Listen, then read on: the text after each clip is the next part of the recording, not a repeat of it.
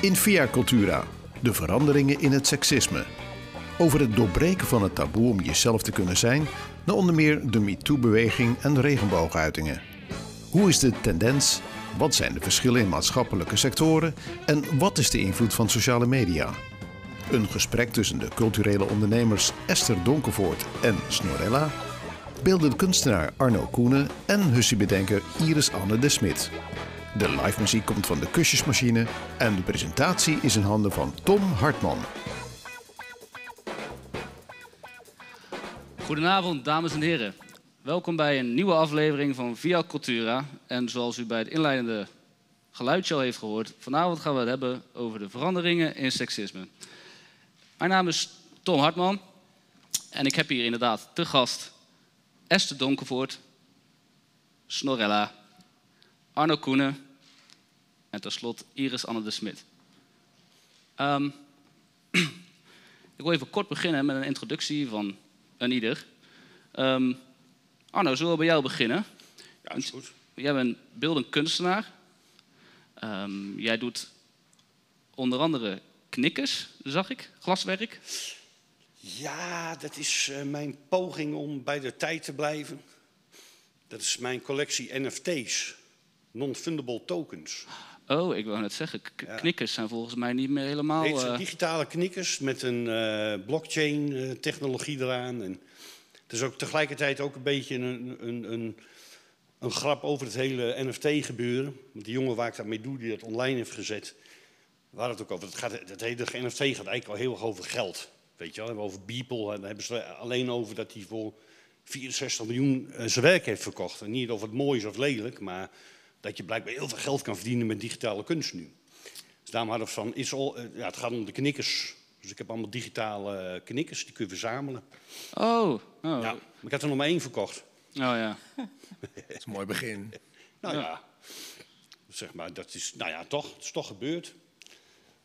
Oké, nou ja, Snorella, dan... eh, ik moet trouwens wel even terugkomen. Ik vind het, er- ergens ben ik bijna een beetje teleurgesteld. Want ik hou eigenlijk van knikkeren. En eh, dan is het weer digitaal, maar dat is al een deel van Nou, de het, tijd dan, denk het ik. komt eigenlijk een beetje door de... eh, eh, als je dat doet, ik doe dat samen met een kerel die dat snapt. En die wil het eigenlijk voor meerdere kunstenaars doen. Omdat dat hele gedoe met die, met die Ethereum en al die eh, bitcoin-achtige... Want daar moet je dan mee betalen. En die hele technologie, dat is best wel moeilijk voor een kunstenaar eigenlijk, voor de meesten, om dat te doen. Ik heb het met jou ook over gehad, want jouw werk leent er ook ontzettend goed voor om eh, als NFT te gaan verkopen. Want het is heel internationaal. Het is heel eh, democratisch, want het gaat eigenlijk helemaal voorbij aan de galeries. En, eh, hè, het is echt één op één kun je dingen verkopen, met een echtheid eigenlijk. Maar dat platform waar we het op hebben gezet, dat heet OpenSea. Dat is zo overbelast door de hype dat eh, het werk nog steeds niet is geverifieerd. Ja, het wordt niet heel saai. Het zal natuurlijk over seksisme hebben. Zo, ik, ik wou zeggen, ik wil Ja. daar gelijk, gelijk Nee, maar dat is eigenlijk de reden dat het. eh, en nu is die jongen die dat aan het doen is, dat is best wel interessant voor de toekomst. Die is nu eigenlijk. eh, die heeft gezegd: van, Nou, daar bouw ik zelf een platform. Ook met Ah. het idee om mensen gewoon. nou ja, jij, ik, kunstenaars. eh, Ah, ja. eigenlijk te faciliteren daarin. Maar dat dus is... het, komt, het komt goed. En die Ja. ene die ik had verkocht, die heeft hij ook gekocht. Oké, Dus. eh, maar dat is, dat is iets, laten we dat we maar een keer doen voor de volgende keer. Want dat is Precies. ook iets, behalve seksisme, is dat ook iets waar ik als eh, non-actueel staalbouwer de ballen verstand van heb, zeg maar. Ehm, maar terug naar, naar, het, ja, nou ja, naar, naar het onderwerp. Eh, over, hè, over jezelf voorkomen en, en dat doen. Ehm, en Snorella, jij hebt een aardig, aardig, een, eh, een aardig voorkomen zo. Met je, met je snorren, je oorbellen en je hakken en je goede tuinbroek. Goede kont erin, mag ik, eh, mag ik niet zeggen op televisie, maar dat, is, dat mag ik, wil ik ook eigenlijk niet zeggen, maar ik zeg het wel. Ehm, Snorella, jij bent begonnen als een wc-dame in Amsterdam. Heb ik dat goed? Ja, mijn achternaam is daarom ook WC. Dat klopt. Ik werkte in een club en in die club, eh, waar je echt heel weinig voor hoefde te betalen, het bier is ook 1 euro bijvoorbeeld. Daar namen mensen de eh, omstandigheden niet zo serieus. Juist omdat de prijs zo laag is, dachten ze, oh, het is een honk waar je alles kan kapot maken. Wasbak eraf, pisbak kapot, eh, wc-bril in één keer verdwenen. Had iemand gewoon meegenomen. En ik was het op een gegeven moment zo zat. Toen ben ik eh, eh, als grap eigenlijk toiletjuffrouw eh, geworden in die club. Dan moest je minimaal 5 cent betalen, anders konden we er niet in. Er mochten drie jongens bij de pisbakken. En dan hadden we ook nog drie hokjes. 1, 2 en 3. En dan waren er dus maximaal zes personen tegelijkertijd in het toilet. En daar is het allemaal begonnen. Snorella, wc. Maar waren dat, waren dat nog ouderwetse cisgender toiletten of waren dat al non-gender toiletten? Nou, die discotheek waar ik werkte, De Trut in Amsterdam, was het de eerste disco in Amsterdam waar potten en flikkers met elkaar samen gingen uitgaan. Het heeft een paar jaar geduurd voordat ze elkaar echt accepteerden als we het over seksisme hebben. Want ja, dat zijn toch de flikkers en dat zijn toch de potten. Maar door zo'n gezamenlijk toilet te creëren, eigenlijk unisex, zijn tijd ver vooruit, eh, heeft dat heel goed werk gedaan voor de maatschappij. En da- daar ben ik dus eh, geboren, in die unisex toiletten. Want of jij nou wil pissen in een pot of in een goot, of je een meisje of een jongetje bent, maakt eigenlijk niet uit. Want meisjes kunnen heel goed in een goot pissen hoor.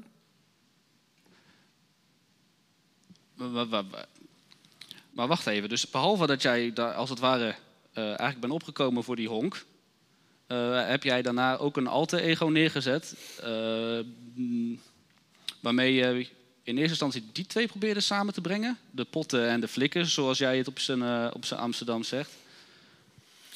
Nee, die potten en die flikkers zijn daar al in de jaren tachtig mee begonnen. En toen was ik nog heel erg klein.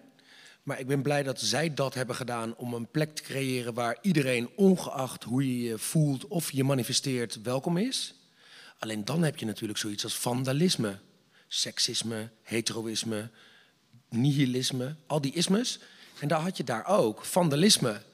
En je moet niet in een tent die goed doet voor de wereld, want iedereen werkt daar vrijwillig. En al het geld, wat niet naar de huur en de inkoop van nieuwe drank gaat, gaat naar homo-emancipatoire doeleinden overal in de wereld. Bijvoorbeeld een Nepalees transgender core. Nou, daar gaat dan zo'n 6000 euro naartoe.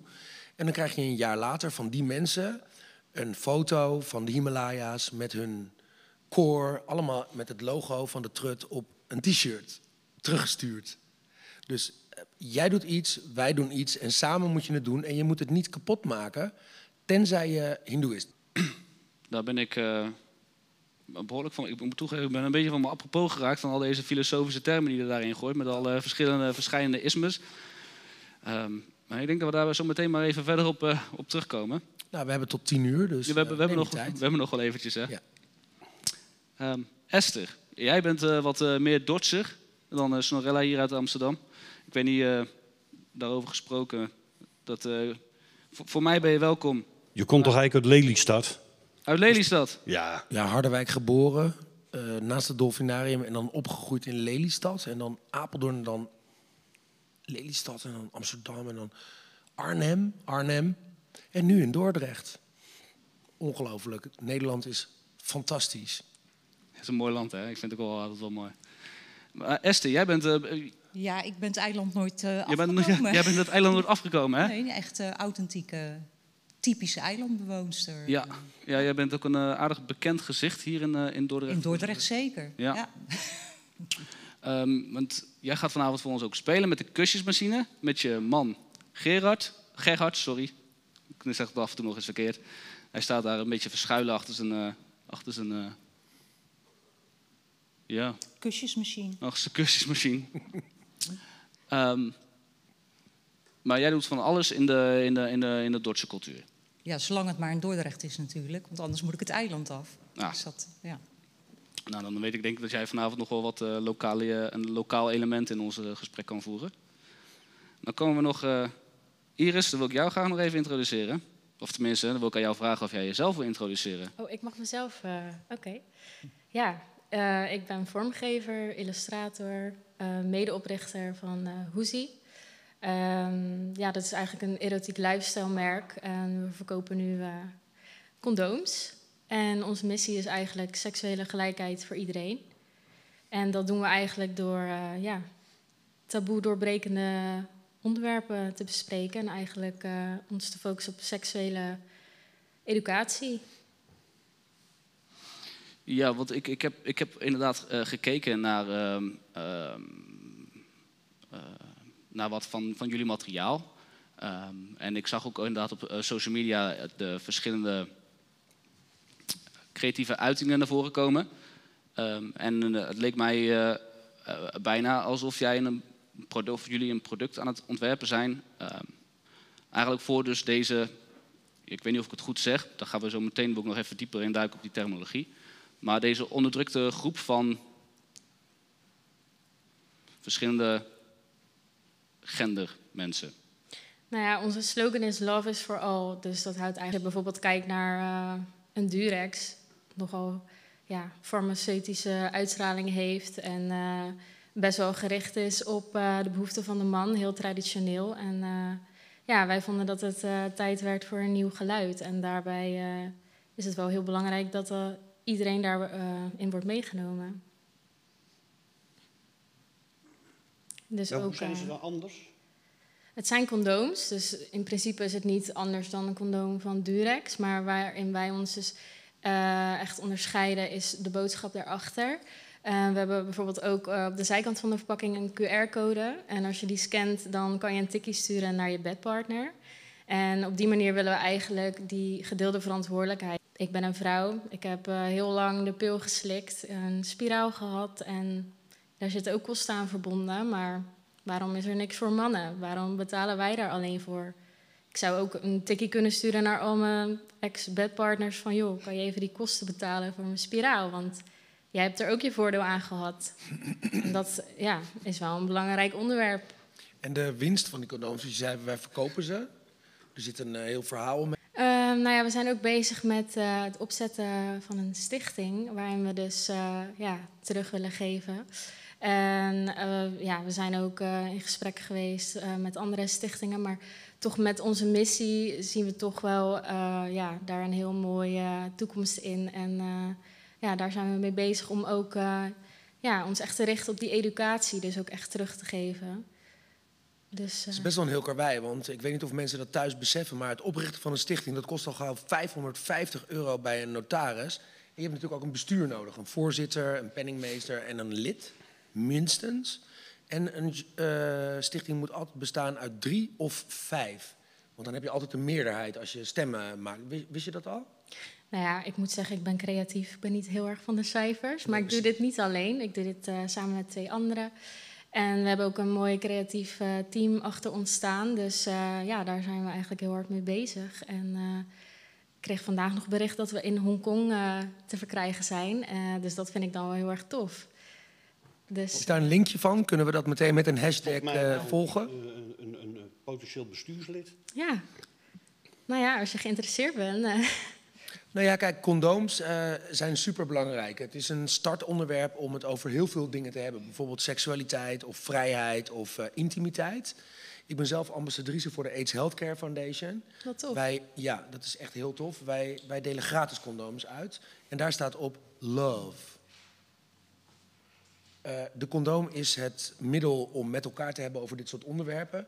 En de AIDS Healthcare Foundation zorgt ervoor dat mensen, ongeacht of je nou geld hebt daarvoor of niet, altijd een HIV-test kan krijgen. Omdat uh, zo'n condoom gebruik je eigenlijk om, nou ja, geen dit, geen dat en geen zus en zo, maar vooral geen HIV te krijgen, want dat is eigenlijk de second pandemic, zoals we nu COVID hebben, is HIV er al 40 jaar en is nog steeds niet weg, terwijl het al makkelijk had gekund.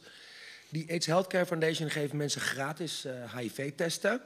Omdat op het moment dat jij weet dat je dat hebt, uh, aan de medicatie kan gaan. Dan word je ondetecteerbaar. En ondetecteerbaar is onoverdraagbaar. Dus op het moment dat jij zonder condoom ooit een keer gevreden hebt en je bent een beetje bang, ga dan even naar de AIDS Healthcare Foundation, doe zo'n test. En als je het hebt, positief, dan ga je aan de medicaties meteen weg. Dan krijgen je kinderen het niet, je buren niet. En als je het niet hebt, ja, dan kun je gewoon lekker doorgaan met wat je doet. Op een verantwoorde manier met haarcondooms die ook in Tokio. Hongkong. Oh, Hongkong. Is ook een soort China. Uh, te verkrijgen zijn. Dus uh, ja, wees gewoon slim, weet je wel. Dus ik vind het een heel mooi project. En ik hoop dat je snel zo'n goed bestuur bij elkaar hebt... die dat uh, kunnen doorvertellen. Ja, dat hoop ik ook. Maar ja. dat doen wij niet alleen. Dus kom een keer gezellig praten koffie. nou, dat begint al, begint al lekker.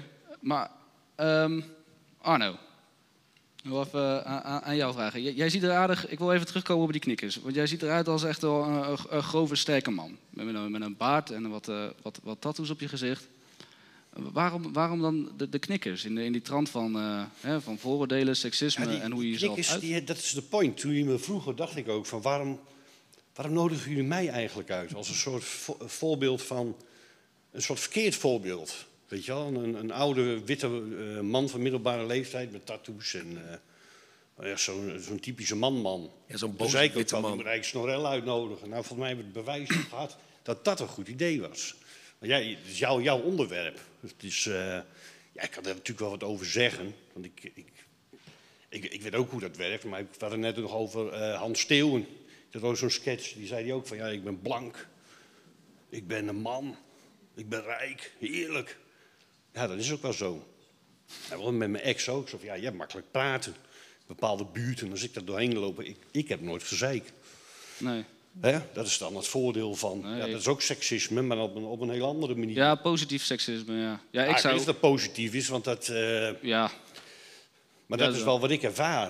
dat dat is ook seksisme. Dat ik, nou, die vent al op een bochtje omheen. ja. Dat ik een tattoos op mijn hoofd heb gezet nog. Ik kan er niks aan doen dat ik zo ben. Maar dat geldt ook voor... ze zeggen, ja, maar die tattoos, dat, dat, dat doe je zelf. Hè? Dus als je daar ge- ge- gezeur mee hebt, nou, dat is ook niet zo. Want dat is het, ook het, het, eh, het gevolg van mijn eigen persoonlijkheid. Ja, Hè? Dus mensen zeggen, ja, dan moet je dat maar doen. Nee, dat, dat is geen houden aan. Dat is gewoon hoe ik ben. En, en, en in die zin passen we wel in hetzelfde hokje. Je hebt natuurlijk een hele groep mensen die nu eh, oranje vlaggen aan de gevel hebben gehangen. Arno, we gaan, er- we gaan er, sorry hoor, dat Oh, stopt. sorry. We gaan er zo, we gaan er zo op, eh, op verder. Maar we krijgen nu een eh, legendarisch opnemen, op, optreden van onze legendarische kusjesmachine. Van het stelletje Esther Donkervoort en Ger Gerard Messeling. Zeg ik dat goed? Ja. Hallo?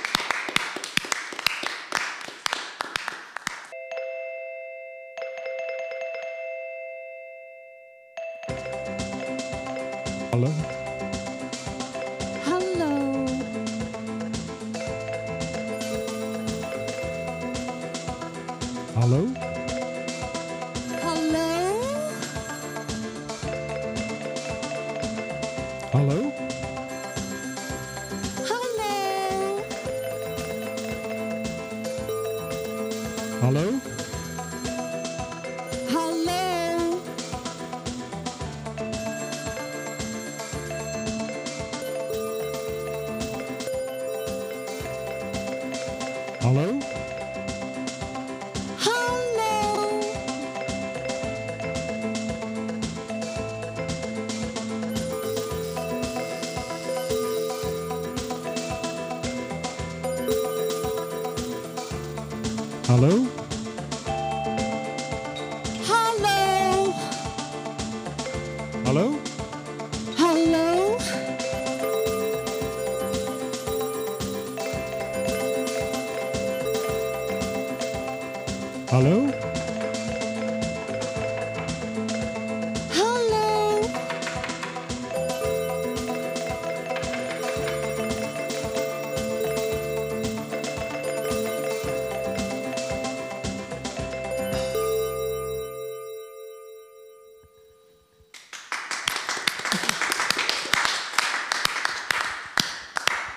Werd ik, daar werd ik echt even heel blij van. Ik, eh, ik, ik wilde bijna zelf de telefoon ook op gaan nemen. Eh, ik durfde het toch niet, maar ik werd er echt ontzettend, eh, ontzettend blij van. Maar wie was het nou aan de lijn? Ja. Ik weet het niet. Dat weet ik niet. Als, als het maar niet Siggo was in ieder geval. Maar het nummer heet in ieder geval Hallo. Oké. Kunnen we het ergens vinden op eh, Spotify of eh, met Shazam misschien? Ik ben bang van niet. Oké, dat komt nog, komt dat nog, komt komt nog, zeker. zeker. Ja, na, na vanavond waarschijnlijk. eh, Ja. Eh, Esther, excuses. Esther. Je maakt het spannend. Ja, ik maak het wel spannend. Ja, ik werd ook een beetje. Ik, eh, Hmm. ik ben, een beetje, ben een beetje zenuwachtig. Ehm, Esther, in, in de trant van, van, van seksisme en feminisme. Jij ziet er aardig uit als een, eh, als een sterke vrouw die voor, jou, eh, die voor jezelf opkomt. Nou ben ik zelf, eh, zoals ik zeg, net als Arno, gewoon een, eh, een witte man. Ik ben net niet zo stoer als Arno, echt wel bijna. Zie ik zie er bijna net zo stoer uit. Ik heb ook expres het tuinpak aangetrokken om ook een beetje stoer te Gewoon, lijken. gewoon je hele hoofd laten vol tatoeëren. dat, eh, dat scheelt wel, hè? Die vingers. Ja, ja, je hebt ook van die... eh, Ja, joh. Nou ja, ik, ik durf dat zelf over het algemeen, over het algemeen niet. Tattoos zetten. Ehm, dus ik ben, ik ben een complete leek in, in, in feminisme en seksisme. En ik maak er af en toe nog wel schijntjes over. Maar voor mezelf wilde ik eigenlijk gewoon graag weten van... Hoe, hoe zit dat nou eigenlijk? En als ik het al niet weet, terwijl ik eh, best wel nog actueel ben en eh, cultureel... dan denk ik dat vooral de oudere kijkers thuis echt geen idee hebben hoe dat nou zit. En wat een boer niet kent, dat vreet hij misschien niet. Ehm, hoe, hoe, ervaar jij dat? Wat is seksisme voor jou? Ehm, seksisme. Ik dacht dat we het over feminisme zouden hebben. Maar seksisme is eh, Ja, misschien ik- ook wel een... een eh, ik, ik, voor mij, voor ja. mezelf is het verschil tussen die twee misschien het Ja. seksisme, de onderdrukking en het feminisme nou ja, opkomen precies. tegen dat die is onderdrukking. natuurlijk eh, een beetje verlengde, denk ik, van. Seksisme is natuurlijk ook iemand veroordelen, beoordelen op, nou ja, vrouw zijn, man zijn. ehm. Hetzelfde geldt denk ik ook wel voor feminisme. Hè? Van, ja, wordt natuurlijk gevraagd, ook voor deze uitzending, van voel jij je nou een feminist? En de grap is, op het moment dat je dat rondvraagt en ook met andere vrouwen daarover praat, dat iedereen zoiets heeft van, maar ik ben geen feminist. En als je nog meer over nadenkt, denk je, maar wanneer ben je dat dan wel? Van moet je per se een strijder zijn om overal eh, ja, voorop te komen?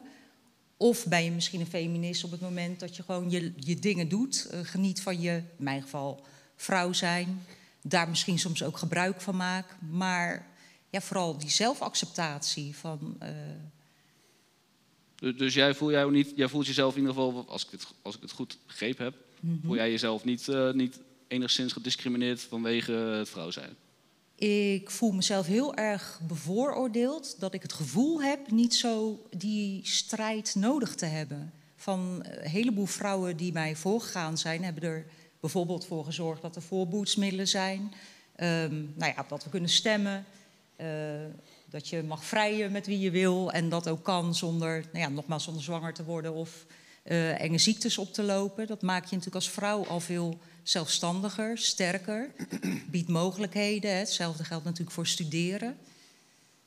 Ehm, ja, ik heb wel. En dat je mag scheiden van je man. Nou ja, dat is ook. eigenlijk Ja. al sinds Ja, 1967 dat je als vrouw van je man mag scheiden en dat er gewoon niet over gezeurd wordt. Daarvoor moest je bewijs hebben. En een man die kon zo van zijn vrouw af. Dus die ongelijkheid die is eigenlijk nog maar heel kort bij ons. Maar wat ik bijzonder vind, misschien val jou dat ook wel op, van, eh, ik denk soms dat we al heel veel bereikt hebben. En eh, nou ja, de moderne hè, 2021, noem maar op. En toch merk je dat in sommige subculturen bijvoorbeeld, dat het helemaal niet zo vanzelfsprekend is. En dat er best nog wel heel veel strijd eh, te voeren is. Ja, maar dat, dat- is, dat is zo raar. Ik heb er ook van tevoren over nagedacht. Ja, Wat er nu allemaal gebeurt met het eh, cancel culture en al die dingen.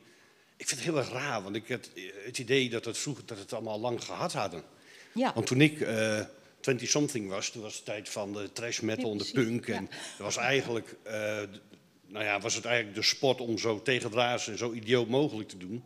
En vooral helemaal niks eh, je te laten liggen aan wie dan ook. Alles kan, alles mag. Ik vind het heel vreemd om nu te ervaren dat er een soort opnieuw een soort, soort rare preutsigheid is. En mensen overal Ja. bang van zijn. Ja. En ze druk, hé, hoe kan dat? Dat is voor mij heel vreemd. Ja. Ik, ik, ik ben daar zeker mee, eh, mee eens. Ik vind het ook een hele preutse tijd. Ik, gisteren wilde ik mijn eh, onkruid tussen de tegels weghalen. En ik, eh, ik heb niet zo'n eh, ja, zo'n kleine schoffel voor tussen de tegels. Dus ik denk, ik ga proberen benzine eroverheen te gooien en dat in de fik zetten. Nou, ik voelde me al heel jaren tachtig en bijna bezwaard in deze tijd. Omdat, het zo'n, eh, omdat er een zwarte rookwolk op, opkwam. En ik, ik had zelf het idee dat ik zelf als eh, witte man niet eens meer benzine mag afsteken in mijn, in mijn eigen achtertuin. Vanwege dus inderdaad de preutsheid van deze tijd. Nou, dat vind ik eigenlijk het enige leuke ervan. Is dat niemand had ooit gedacht dat de witte man nog eens een keertje eh, eh, eh, eh, het, doel, doel zou zijn van allerlei dingen. Dat hij achterop zou raken. Zo van, nee, jij krijgt het klusje niet, want je bent de witte man. Dat is op zich wel eh, op zijn minst eh, vermakelijk.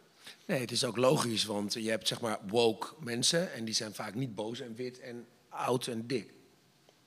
Ja, Oeps. Groot, hoe moet je het zeggen? Eh Ja. volum, volum, volumineus? Voluptueus? Ja, zoiets. Ja. Nee, er is gewoon een verschuiving gaande en dat is normaal. Want eh, je hebt zeg maar in de wiskunde ook dat het zo met een standaard deviatie en een normaalverdeling en zo. Je hebt een begin, een midden en een eind. En als je die steeds aan elkaar plakt, dan heb je steeds dit. Dus alles gaat in golven. Eerst waren het de witte mensen die gewoon de wereld gingen nemen. En nu is het gewoon anders en hebben we een nieuw geluid. Vrouwen waren een soort dit en dat. Want op Wikipedia kun je intoetsen wat seksisme nou precies betekent. En dan hebben ze het ook over religies en zo. Bijvoorbeeld in de islam, in het jodendom en in het ehm, christendom... krijgen vrouwen nooit een priesterlijke functie. En de Rooms-Katholieke Kerk zit op vandaag nog steeds te denken... dat een vrouw niet een paus zou kunnen zijn. Maar dat is natuurlijk heel raar. En dat gaat veranderen, want er komt op een gegeven moment zo'n leideres. Bij de padvinderij noemen ze dat de Akela. En die, die, die gaat ons nieuwe dingen vertellen. En dan moeten wij weer daarover nadenken en dan word je weer iemand anders. Want je laat je beïnvloeden door elkaar. Dat lied van jullie net, hallo. Hallo. Maar het is wel grappig, want jij intro- introduceert iedereen en dan vragen we het over iemands uiterlijk. Alsof jij ziet er zo en zo uit en dan heb je daar gelijk een idee van. Zo, ik Ja. ben groot en ik... eh, Ja, maar wat je niet weet is dat ik een angststoornis heb, waar ik medicijnen voor slik. Ah, Dat ik niet over de Brienoordbrug durf te rijden. Hè? Dus ja, weet je, dat, je kunt daar nooit van op aan. Nee. Dat is ook misschien de reden dat ik me zo heb uitgedost. Hè? Een soort harnas. ja, dat, dat, dat Ik hoorde vroeger waarschijnlijk net als jij gewoon bij de malle appies op school. Bij de? De malle appies. Ik had een leraar Nederlands, ging het woord excentriek uitleggen. Nam die mij als voorbeeld. Ik was wel trots op. Ja, dat kan me ook wel. Dat zeg ik eh, wel tegen mijn kinderen ook zo. Van degenen die nu worden gepest op school, dat zijn de mensen die later... eh, dat zijn de popmuzikanten waar je fan van bent. Dat zijn de, de rocksterren, de, de, de acteurs. En die anderen die zitten straks op de heftruck ergens. Of in de Dat is metaal. wel waar. Maar ja, om terug te komen op je... Ik denk dat we er nog lang niet zijn, hoor. Het is eigenlijk al mooi dat we het over de blanke, witte man kunnen hebben vanavond. Maar ik denk dat al die andere eh, gevechten ook nog niet gestreden zijn, laat maar zeggen. Nou, de vraag is volgens mij ook of het een gevecht is. Want jij bent ook dat project begonnen met die condooms. Dat is een soort manier om iets te doen met de wereld. Maar voelt het als een gevecht? Of is het juist een uitnodiging om anders om te gaan met de realiteit? Nou, ja, toen ik hiermee begon, toen voelde het misschien meer projecten gedaan. Maar wat je zegt, inderdaad, het, het voelt meer gewoon als een uitnodiging. En daarom, het is ook voor iedereen. En ik denk ook, ehm, kijk, met Hoezie willen we ook de plezierige kant benadrukken. En heel erg de informatie geven, omdat daar vaak het gebrek aan is, aan informatie. En vind maar een plek waarop je alle vragen kan stellen, waarop je je veilig voelt om daarover te praten. Hè? Alle, en, en dat is eh, wel een plek die wij willen creëren met Hoezie. Maar Ja. ook persoonlijk. Ik, ja, dat is wel echt waar ik persoonlijk voor sta. En eh, gesprekken die ik dagelijks voer met mensen. Ja, en ik denk dat het eigenlijk ook wel heel interessant is. Want eh, zoals ik zeg, ik zit gewoon in de, in de techniek. Nou, ik zit alleen maar met, met witte mannen een beetje dingen te ontwerpen. En ehm, als ik daar niet mee bezig ben, ben ben ik in de tuin aan het schoffelen. En, andere, en dan eh, ben ik weer eens met, ook inderdaad veel met mensen aan het lullen of muziek aan het maken of iets in die richting. Maar als ik dan, als ik dan iemand tegenkom die niet, eh, die niet een man of een vrouw is, dan sta ik echt met mijn mond vol tanden. En dan weet ik echt, eh, we- weet ik echt niet hoe ik daarop in moet spelen. Want ik weet dat er iets gaande is. Maar hoe ik nou zo iemand moet noemen, moet je nou, ik, ik, ik weet het niet. Ik, Maar maakt dat uit? Waar, waarom doet het zoveel met je dan? Nou, ik kan, er- ik kan nog wel eens nogal cynisch en eh, een beetje druk en bot uit de hoek komen. En dan eh, merk ik dat ik daar soms wel eens echt wel eens even mensen in kan beledigen. Terwijl ik gewoon eh, diep respect, nou ja, niet echt per se diep respect, maar ik heb wel gewoon, gewoon liefde en waardigheid voor iedereen. Dat gevoel heb ik wel. Ja. Ehm, en ja, zeker vooroordelen heb ik ook, maar daar hou ik ook van. En Maar dat geeft ook niet, hè? Dat geeft ook niet, want het is... hadden we net ook nog over van... Ik heb een heel poos in het dorp gewoond waar alleen maar witte mensen zijn. En die stemmen allemaal op eh Geert Wilders, weet je wel. En eh, op het moment... Ik heb ook in Amsterdam gewoond, of in Rotterdam, of hier ook, weet je wel. Als jij gewoon eh, op een plek bent waar je met veel meer soorten mensen omgaat... dan word je zelf ook... Soms moet je ook aan dingen wennen. Dat is heel menselijk. Ik heb heel veel geleerd op eh, sportscholen. Zo denken, de- vroeger werd kickboksen een beetje was natuurlijk een thuissport. Maar dat was dan precies een plek waar ik gewoon twee, drie keer in de week met allerlei soorten types stond eh sparren, weet je wel. Daar heb ik heel veel van geleerd. Ik ben de bijl op de ruimte. Ja, eigenlijk is altijd een achterbuurten, de goede sportscholen. ik vond het wel fascinerend. Ik heb er heel veel van geleerd qua mensenkennis. Maar dat moet je wel doen. Je kunt mensen ook niet kwalijk nemen als jij inderdaad in zo'n dorpje woont en je, je maakt nooit wat mee. Dan schrik je je dood als je een keer een negen ziet. Oeh, dat mag je niet zeggen. Iemand van kleur of een zwart persoon. Ja, sorry. Ja. Precies. Ja, maar dat, precies, ja, precies dat. Het duurt even, voor, voor mij ook, het duurt even voordat het er... eh, Maar dat is oké, hè? Dit mag er ook zijn. Ehm, het is ook heel menselijk om vooroordelen te hebben. Die heeft iedereen. Die heb ik ook nog. Dat zit gewoon in de aard van een mens. Maar je kan wel bij jezelf nagaan en ervoor openstaan om dingen te willen leren van elkaar. En ja, te kijken naar iemand als individu. En als jij iets niet begrijpt, vraag ernaar. Als jij iemand tegenkomt en dat doet iets met jou en je weet niet hoe je daarop moet reageren, spreek iemand aan, ga een gesprek aan, daar is niks mis mee. Of eh, vanuit de andere kant geredeneerd, wordt die activist. Want mensen komen niet altijd naar jou toe om te vragen van... hé, hey, hoe zit dit of hoe moet ik dit begrijpen? Mensen hebben dat vooroordeel. En soms kun je ook die ervaring in iemands bek duwen. Gewoon zo hier, rang, heb je hem? Dit is de ervaring en dan gaan we daarna erover praten... want dan hoef ik dat vooroordeelstuk van jou niet te accepteren. En dat is dat activisme wat vrouwen ook heel veel hebben moeten. In 70 geloof ik, eh, niet in een broek naar de rechtbank. Als je als vrouw naar de rechtbank ging, moest je een rok aan. Terwijl je hebt heel veel vrouwen die willen geen rok aan. Die willen een broek aan. Wie heeft thuis de broek aan? Ik, zegt zo'n vrouw. En dan heb je een rechtszaak en dan moet je een rok aan. Omdat de rechter anders niet met jou wil praten. Ja, maar die, Dat soort maar, maar die rechter raar- heeft een pruik op. Nee, dat is Engeland. Oh. Maar over activisme gesproken, ja, ik bedoel, jij bent aardig activistisch als, het, eh, als ik het goed zeg. Dat is ook weer een voordeel, maar jij komt maar aardig activistisch over als het gaat over eh, eh, gender eh, issues. Oké, en waar haal je dat vandaan precies? Ehm, nou, dat eigenlijk wanneer ik. Ik, ben hier de, ik moet hier de vragen stellen, maar ik sta me af en toe nog een beetje van de zenuwen. Maar jij komt dan, ook daarin aardig actief over. En jij begon ook als wc-juffrouw aardig actief. Wa- wa- waarom, waar komt dat activisme vandaan? Ik denk dat dat eh, in mijn geval met de paplepel is ingegoten. Een van de allereerste lessen die mijn moeder me leerde was als wij eh, op eh, vakantie waren en we gingen naar zo'n wegrestaurant in Frankrijk en de hond onder de tafel. Eigenlijk mochten er geen honden. Maar dan vroeg mijn moeder dat aardig, mocht de hond daar? En dan zei ze altijd dat ik moest helpen met de tafel afruimen. Want we moesten die plek schoner achterlaten dan dat we hem hadden aangetroffen. Dus die activiteit van hey, je ziet dingen uit je ooghoeken die beter kunnen en daar mag je iets aan doen. Bijvoorbeeld even de stoep vegen of de vuilnis buiten zetten of iemand helpen met oversteken of vragen of het wel gaat. Of gewoon kijken naar wat gebeurt hier nou allemaal om mij heen en wat kan ik daaraan bijdragen om dat op een andere manier te laten gaan dan het te laten verrotten. Dus ik denk dat ik het heb geleerd van, van, van mijn ouders om ja, ik noem het dan maar normaal te doen, maar dat is ook bijna seksistisch. Want wat is normaal?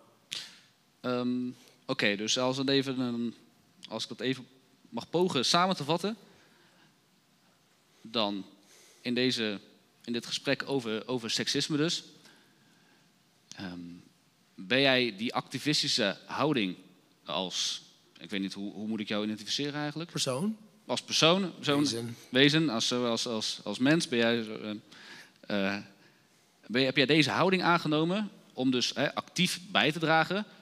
En als ik het goed zeg, vond jij dit een hele goede manier om actief bij te dragen? Dus wat je dacht, dat je dacht van, hier kan ik echt veel aan doen door nu toiletjuffrouw te gaan worden. Klopt dat? Ja, dat klopt. Want door die toiletjuffrouw op deze manier te worden, eh, maak je mensen bewust van hun omgeving. Het is heel goedkoop en het kan allemaal kapot, maar het hoeft niet. Hoe minder kapot we het maken, hoe meer geld er is om de wereld beter te maken. En eh, dat ik daar toevallig dan door Snorella geworden ben, dat is echt een eh, bijvangst. Zeg maar. Zoals in de visserij heb je die vissen die je echt wil en de bijvangst. Snorella is een bijvangst die nu een hoofdrol speelt. Want Snorella is ook iets geworden waar kinderen eh, haar weten te vinden op het internet. Omdat ze dan willen uitzoeken van, oh wauw, ik wil misschien ook wel een snor en lang haar. Ja, ik wil ook een snor, maar dat gaat Ja, me ik wil ook wel ophakken en gaan. Ik heb voor ook een snor en lange haar. Snap je? Nog steeds hoor. Ja. Dus dat is dat idealisme ook, dat je bereik, bereikbaar bent. Omdat jij bent en iets doet. Jij ook met je dingen, Arno ook met de kunst, weet je wel. eh, Die kunst die hij maakt is ook flabbergasting. Je zit er naar te kijken en je denkt... wat de fuck heb ik nou weer gezien? Mag ik even wat zeggen? Want Je hebt het over de toiletdame. Maar Snorella die heeft een, eh een langlopend kunstproject... waar ik echt heel erg fan van ben. Dat is ook zeer activistisch. Kings and Queens heet het toch? Ja, zo Oh, heet het. dan ja, gaan dat we is echt dat, briljant. Dat moet je maar eens opzoeken op we gaan daar zo meteen even over hebben. Oh, sorry. Ja, nee, dat, eh, nee dat, geen, eh, geen sorry. Ik ga jou gewoon eh abrupt stopzetten. Ehm, want we gaan weer even terug naar de kusjesmachine. En ik ben eigenlijk heel benieuwd Ja. waar de kusjesmachine nou weer mee is gekomen. Dat weten wij ook nooit van tevoren. Dus, Ik vind het helemaal leuk. En nu al.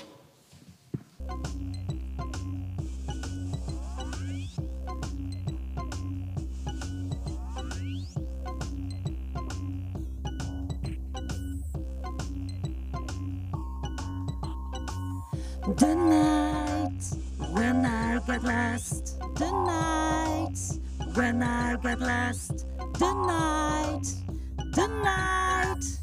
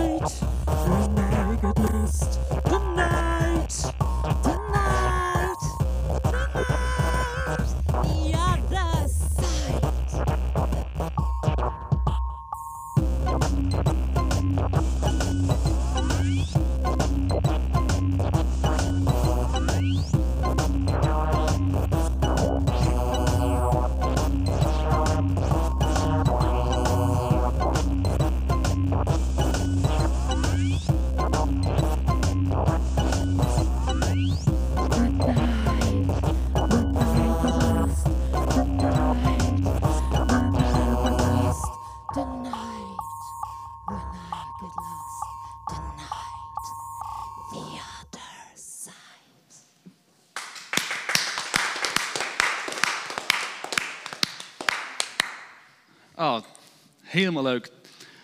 Dames en heren, ook de kijkers thuis. ehm, welkom bij Via Cultura. Wij zijn vanavond in gesprek over seksisme, feminisme en het opkomen van jezelf. We hadden hier net muziek, live muziek van De Kusjesmachine, hier uit Dordrecht. Ik vond het helemaal fantastisch. En ik ben in gesprek vanavond met Esther Donkervoort, een Dordtse ondernemer in de cultuur, ook van De Kusjesmachine. Snorella, een bekend eh, fenomeen uit Amsterdam. Ze is, eh, Zoek. ja, even naar de wc. Oh. Nou ja, Arno, Arno Koenen, een, eh, ook een aardige, behoorlijk bekend kunstenaar. Heeft ook de Markthal gedaan in Rotterdam, volgens mij. Ja. En Iris Anne de Smit, het creatieve brein achter Hoezie, een condoommerk wat eigenlijk opkomt voor Seksuele gelijkheid voor iedereen. juist dat. Ik denk, jij kan dat veel beter dan zeg- eh, zeggen dan ik. Snorella komt er weer bij. Nou, we hadden het net over kunst. En nou net, eh, ook eigenlijk net na deze, deze muziek vind ik het eigenlijk weer een prachtig moment om dat weer, dat weer, dat weer aan te kaarten. Ehm, ja, kunst. Ah. Snorella, jij was bezig met een. eh, we hoorden net over jou, over, over een kunstproject. Ik denk dat dat aardig heel erg valt in dit straatje. Ja, Arno noemde het net. Het project heet Kings and Queens. Je hebt het fenomeen drag queen, of travestiet, of eh, eh, crossdresser of zoiets. Zit daar En, verschil eh, tussen? Nou, een crossdresser is iemand die gewoon pff, het leuk vindt om een jurk aan te trekken. Een travestiet in de ogen van heel veel mensen is een man die het fijn vindt om vrouwenkleren te dragen. En een drag queen, dat is meer Amerikaans, met show erbij. Die doen dan zeg maar shows en die doen het dan voor het werk. Dus je hebt mensen die zich werkelijk lekkerder voelen in kleren van een ander. Bijvoorbeeld Ja. kleren van de keizer. Het voelt ook heel vaak heel lekker als je die aan hebt. Eh, en je hebt dan eh, drag queens. En eh, ja, Snorella zit daar een beetje precies tussen. ik wou eens zeggen, wat, wat ben jij? Ja, dus een tussenmens. Monument. Ja, een mens ergens tussen het hele spectrum. Want je hebt dan het binaire denken, bijvoorbeeld goed en slecht, of zwart en wit, of man en vrouw. Maar daartussenin zit natuurlijk allerlei vormen daarvan. En jouw, kunstproject? Kings Ja. and Queens. Ik denk dat je weet waar het over gaat, hè? Eh, Ik heb zo'n voorgevoel dat iets te maken heeft met drag queens en keizerkleding. Nee, Oh. het, is, eh, het is een fantastisch eh, mooi fotoproject. We maken foto's van de drag queen, dus de jongen die zich als meisje verkleedt. En de een is echt nog fabulouser dan de ander. Maar wij zorgen ervoor dat de man, die uiteindelijk die make-up allemaal opdoet, die kleren aandoet en dat helemaal wordt, bij die vrouw, die drag queen, op de foto staat. In innige omhelzing. Je ziet dus in één foto twee kanten van één persoon. Die mensen kunnen elkaar nooit ontmoeten. Want als jij drie uur bezig bent met je make-up, dan kun je nooit meer jezelf vasthouden. Überhaupt jezelf vasthouden is een beetje zo. Ja, ik weet niet. Ja, oefen maar even thuis jezelf vasthouden. Maar dat gevoel van wauw, ik en dat andere deel van mij zien elkaar bevestigd in zichzelf. Dat is magisch. En dat gaat natuurlijk niet alleen maar over jongetjes die zich als meisje verkleden of meisjes die zich als jongen verkleden. Maar het is ook de bankdirecteur die als hij zijn kleren uitdoet misschien wel volgetatoeëerd is en in het weekend gewoon karpers vist. En als je die karpervisser en die bankdirecteur met elkaar op een foto zet, dan zie je een soort samensmelting van de waarheid die cumulatief, dat betekent dat je het bij elkaar optelt, heel veel waard is. En mensen proberen zich op straat elke keer te manifesteren of te presenteren als één enkel ding. Bijvoorbeeld onaanraakbaar, of super succesvol, of heel erg leidinggevend, of dokter. Maar we zijn veel meer dan dat. En daar gaat het project over.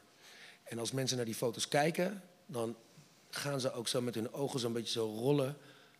Wat ben ik allemaal nog meer dan wat ik nu laat zien? Want we zijn veel meer. Trek maar een zwembroek aan in plaats van een tuinbroek, ben je heel anders. Ja, dat klopt. Dat is, eh, dat is eh, Waar kunnen we jouw project zien? Het staat op het internet. Het heet Kings Queens Official. Ook op Instagram. We hebben af en toe ook nog wel exposities hoor. We gaan binnenkort naar eh, Belgrado. Dat is in Servië. Gaan we daar mensen fotograferen. Want daar is in 2022 de World Pride. En het is daar nog echt nodig. Want daar, daar word je echt nog eh, buiten Belgrado gewoon eh, ja, misschien wel doodgemaakt of zo. Omdat je dan een flikker of een pot bent. Ja, dat, dat klopt. Ja. Ik was een paar jaar geleden was ik in, in, in, Kiev. En toen was ik met een man aan de bar aan het praten. Nou ja, in mijn beste Oekraïens, wat dus niet veel verder is dan Garasho, da, Garasho. Op een gegeven moment werd ik weggetrokken door een maat van mij. Die zegt, want ik had een veehals t-shirtje aan en een bos krullen. Ja. Dus dat viel daar al niet al te best. Homo. Ja, dus ze zeggen, je moet echt er weg daar. Ik zeg, wat is het dan? Ja, vroeg hem mee naar huis. Wat is er erg aan? Ik kan toch gewoon Garasho daar zeggen en een beetje knikken en bier drinken. Nou, een paar minuten later werd die kerel helemaal in elkaar getrapt door de bewaking. Van de twee hoog eh, naar beneden gegooid. Die persoon zo wat gebroken. Was echt niet oké. En dat is dus precies waar we het net over hadden. Dat je je wezen inzet om de wereld beter te maken. Want als het waar is wat jij zegt, dat je gewoon om wie je bent uit een raam wordt gegooid, dan hebben we echt veel werk te doen. En dat doen we allemaal op onze eigen manier. Via de liefde en de vrije seks, via de openbare kunst en schunnige uit- uitnodiging om verder te denken dat je neus lang is. Via manifestaties en via geweldige liedjes zoals Hallo. ja, ik noem het nog maar, de CD komt binnenkort uit. Ja, Daarover Ja. gesproken, komt Maar, de CD binnenkort Om uit. misschien nog even aansluitend. Oh. Lijkt mij opvoeden zo belangrijk. Gewoon bij het begin beginnen. Als je het hebt over acceptatie, acceptatie van jezelf. Ik denk dat je daar als opvoeder zo'n grote rol in hebt. En ik vind het jammer dat mensen zich daar ook niet altijd even bewust eh, van zijn. Nee, maar als je Mensen, zelf de lessen niet geleerd hebt Precies, ja. en niet Nee, verder hebt leren kijken Ja. dan je neus lang is, of niet groter hebt leren denken dan je lichaam, Ja. dan ben je heel beperkt. Ja. Maar het is ook alweer wat ik net zeg. Ik heb mijn kindertjes kennen hem. Dus op een gegeven moment kennen ze Snorella. En dan kwam een keertje jou tegen bij de kunsthal, maar toen was je gewoon als. Ja. Want niet, niet in drag. En toen zei ze, wie is dat? Is, is dat, is dat? Zegt ze, nee, ik ben Micha. Dus verkleed me ben ik. En dan zeg ik, kijk, hm, oké. Ja. Ja. Nou ja, weet je, als je dat nooit gebeurt... Nou, Nee, ik ik vind het ook absoluut niet verwijtbaar. Maar je, ik denk wel dat zoveel zou dat schelen. hè, als je al kinderen, ja, ook kinderen en, eh, gewoon leert van je mag... Ik, ik had, nou ja, hè, je kleine jongetjes in jurkjes worden uitgelachen. Dat kan je kinderen absoluut niet kwalijk nemen. Maar het gebeurt wel natuurlijk. Ja, dat klopt. Dat was, dat was eh, pas inderdaad met een, eh een jochie Ja. hier. eh, de, ja, fantastisch. Er wordt, daar wordt later een groot artiest, een Dordtse jongen. En, eh, Zeker- ja, zeker ja, zeker wel. Ja, ja. Dus eh, ik heb ook de eer gehad om met hem muziek mogen te maken. Maar de jochie is 12 en volgens mij ging, Zoiets, ja. ja. die, werd, die ging zijn in zijn jurk naar school met zijn nagellak. En inderdaad Ja. werd eh, weggepest en uitgelachen. Ja, maar ik denk ook wel dat kinderen die ervoor kiezen om dat pad te lopen van de vrijheid, eh, het kunnen hebben dat je eh, tegenwerking krijgt. Want als je werkelijk vrij bent en de wereld om je heen niet, maar jij weet, ik ben vrij en ik doe dit, dan zit er zo'n kracht in je. Ja. En als je dan waar dan ook ter wereld, of in Hongkong, of in een kunstwerk, of in een videoclip, mensen ziet die dat ook doen, ja, dan voel je je gewoon extreem gesteund. En daarom is zichtbaarheid ook het allerbelangrijkste op alle vlakken. Wat, wat gaat over seksisme, racisme, eh, representatie, al die dingen. Als je het niet ziet, bestaat het niet. Dat hebben ze bij kinderen voor kinderen gezongen. Wat je niet ziet, bestaat niet. Wat je niet ziet, ontgaat je helemaal. Wat je niet ziet, bestaat niet. Dus iemand met een mooie pruik is helemaal niet kaal. Dus daarom is het belangrijk dat je jezelf steeds laat zien als je het durft. Maar niet iedereen durft het, want veel mensen schamen zich heel snel. Of voelen zich schuldig. Dus, dus, dus jij denkt, als we het hebben over bijvoorbeeld inderdaad niet alleen kunst, maar ook algemene, algemene zichtbaarheid. En misschien is in dit geval is het kunst dan ook wel eh, eh, heel belangrijk daarin. Want ik denk ook, wat jij nu doet, zie ik persoonlijk als een, als een, als een, als een kunstvorm. Een bepaalde, misschien een andere tak van kunstvorm, maar kunst zit in, zit in alles. Wat, hoe Esther dat doet met de kusjesmachine samen met Gerard. Eh, ik voor mij, ik voel me daar ook hartstikke geïnspireerd door. Hè, om, om, weer, om weer te doen wat ik mag doen. En ik heb wel, weet je wel, om in mijn tuinpak rond te lopen en mijn, mijn broche aan je de mensen binnenkort ook nog eh, hakjes en een, eh, misschien een leuk ander kapseltje? Nee, nee, nee. Ik ging... eh, Wel een, ik- wel een jodelpak heb ik begrepen. wel, wel een jodelpak, eh, jodelpakken zeker. En teenslippers. Nee, eh, ik moet toegeven, de hakken, dat... ik heb me nooit zelf zo, nooit zo fijn gevoeld. In, eh nou, heel af en toe trok mijn zusjes broek wel eens aan, maar meestal voel ik me niet zo fijn. In Ik zou wel een kilt willen, maar er loopt er al eentje hier rond in Dordrecht met een kilt. Ja. Ja, Ze fantastische woont al man. vlak bij me, dus dat, dat gaan we maar niet doen.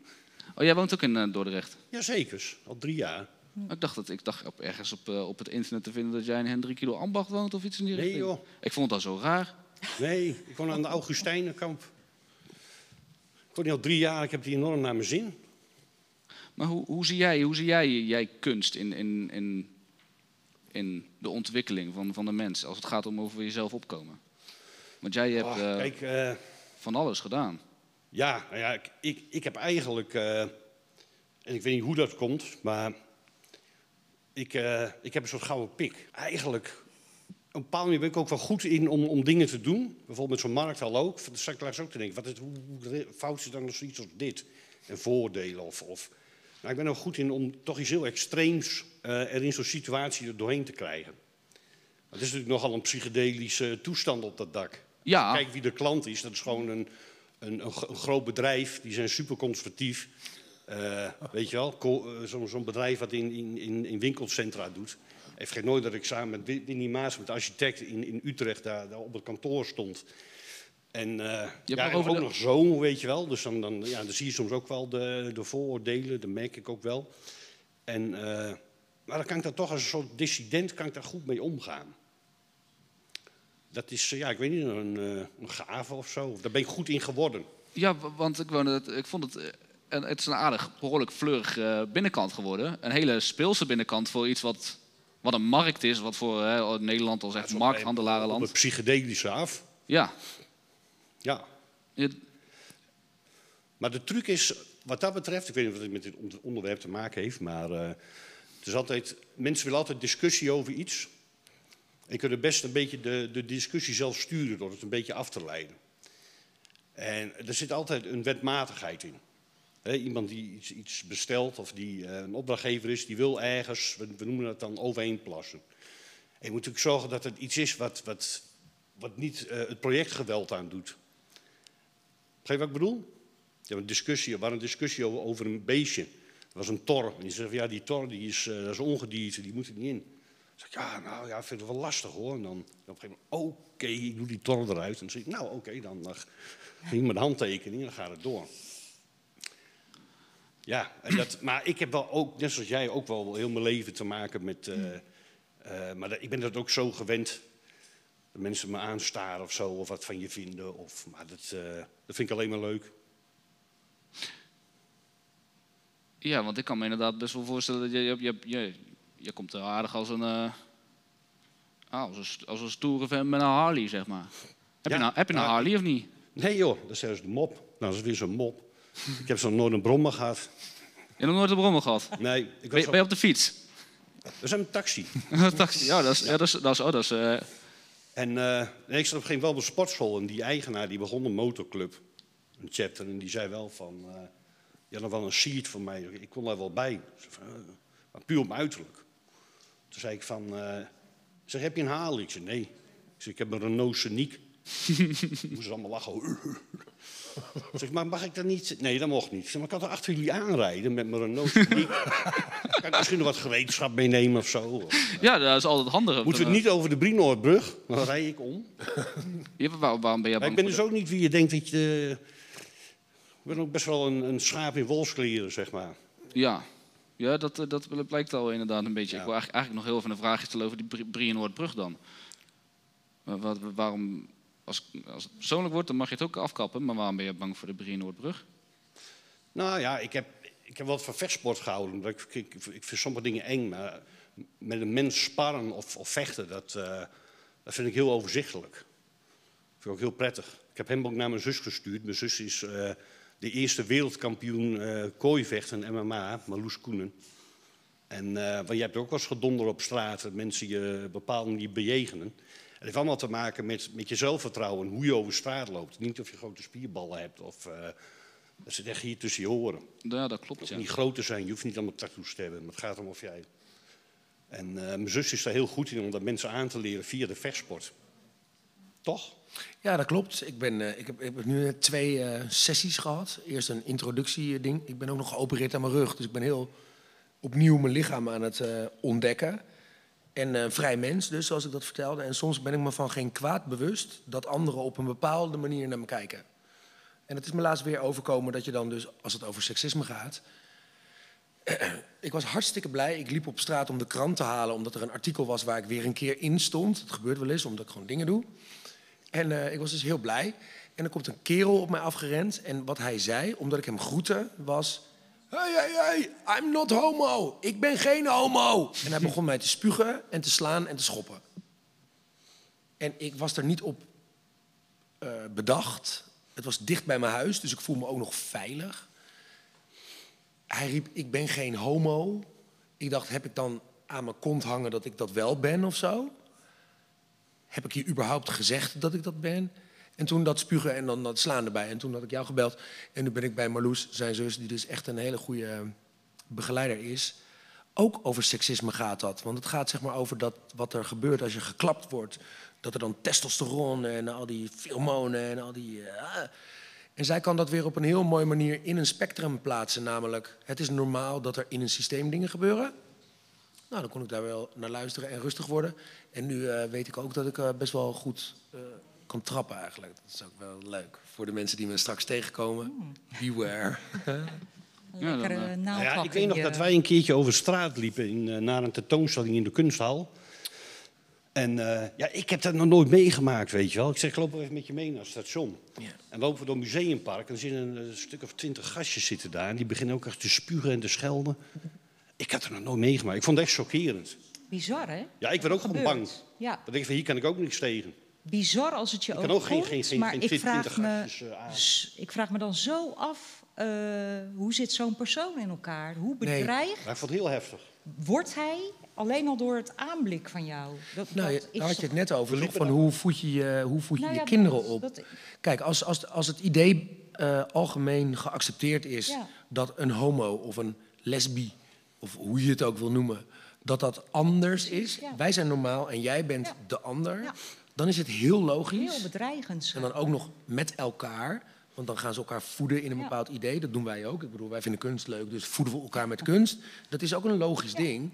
Alleen je kunt elkaar voeden met toxic eh, ideeën. Toxic masculinity, toxic femininity, toxic sexuality. Als het niet meer leuk is en het voegt niet toe om dichter bij elkaar te komen... dan drijft het ons uiteen. Ja.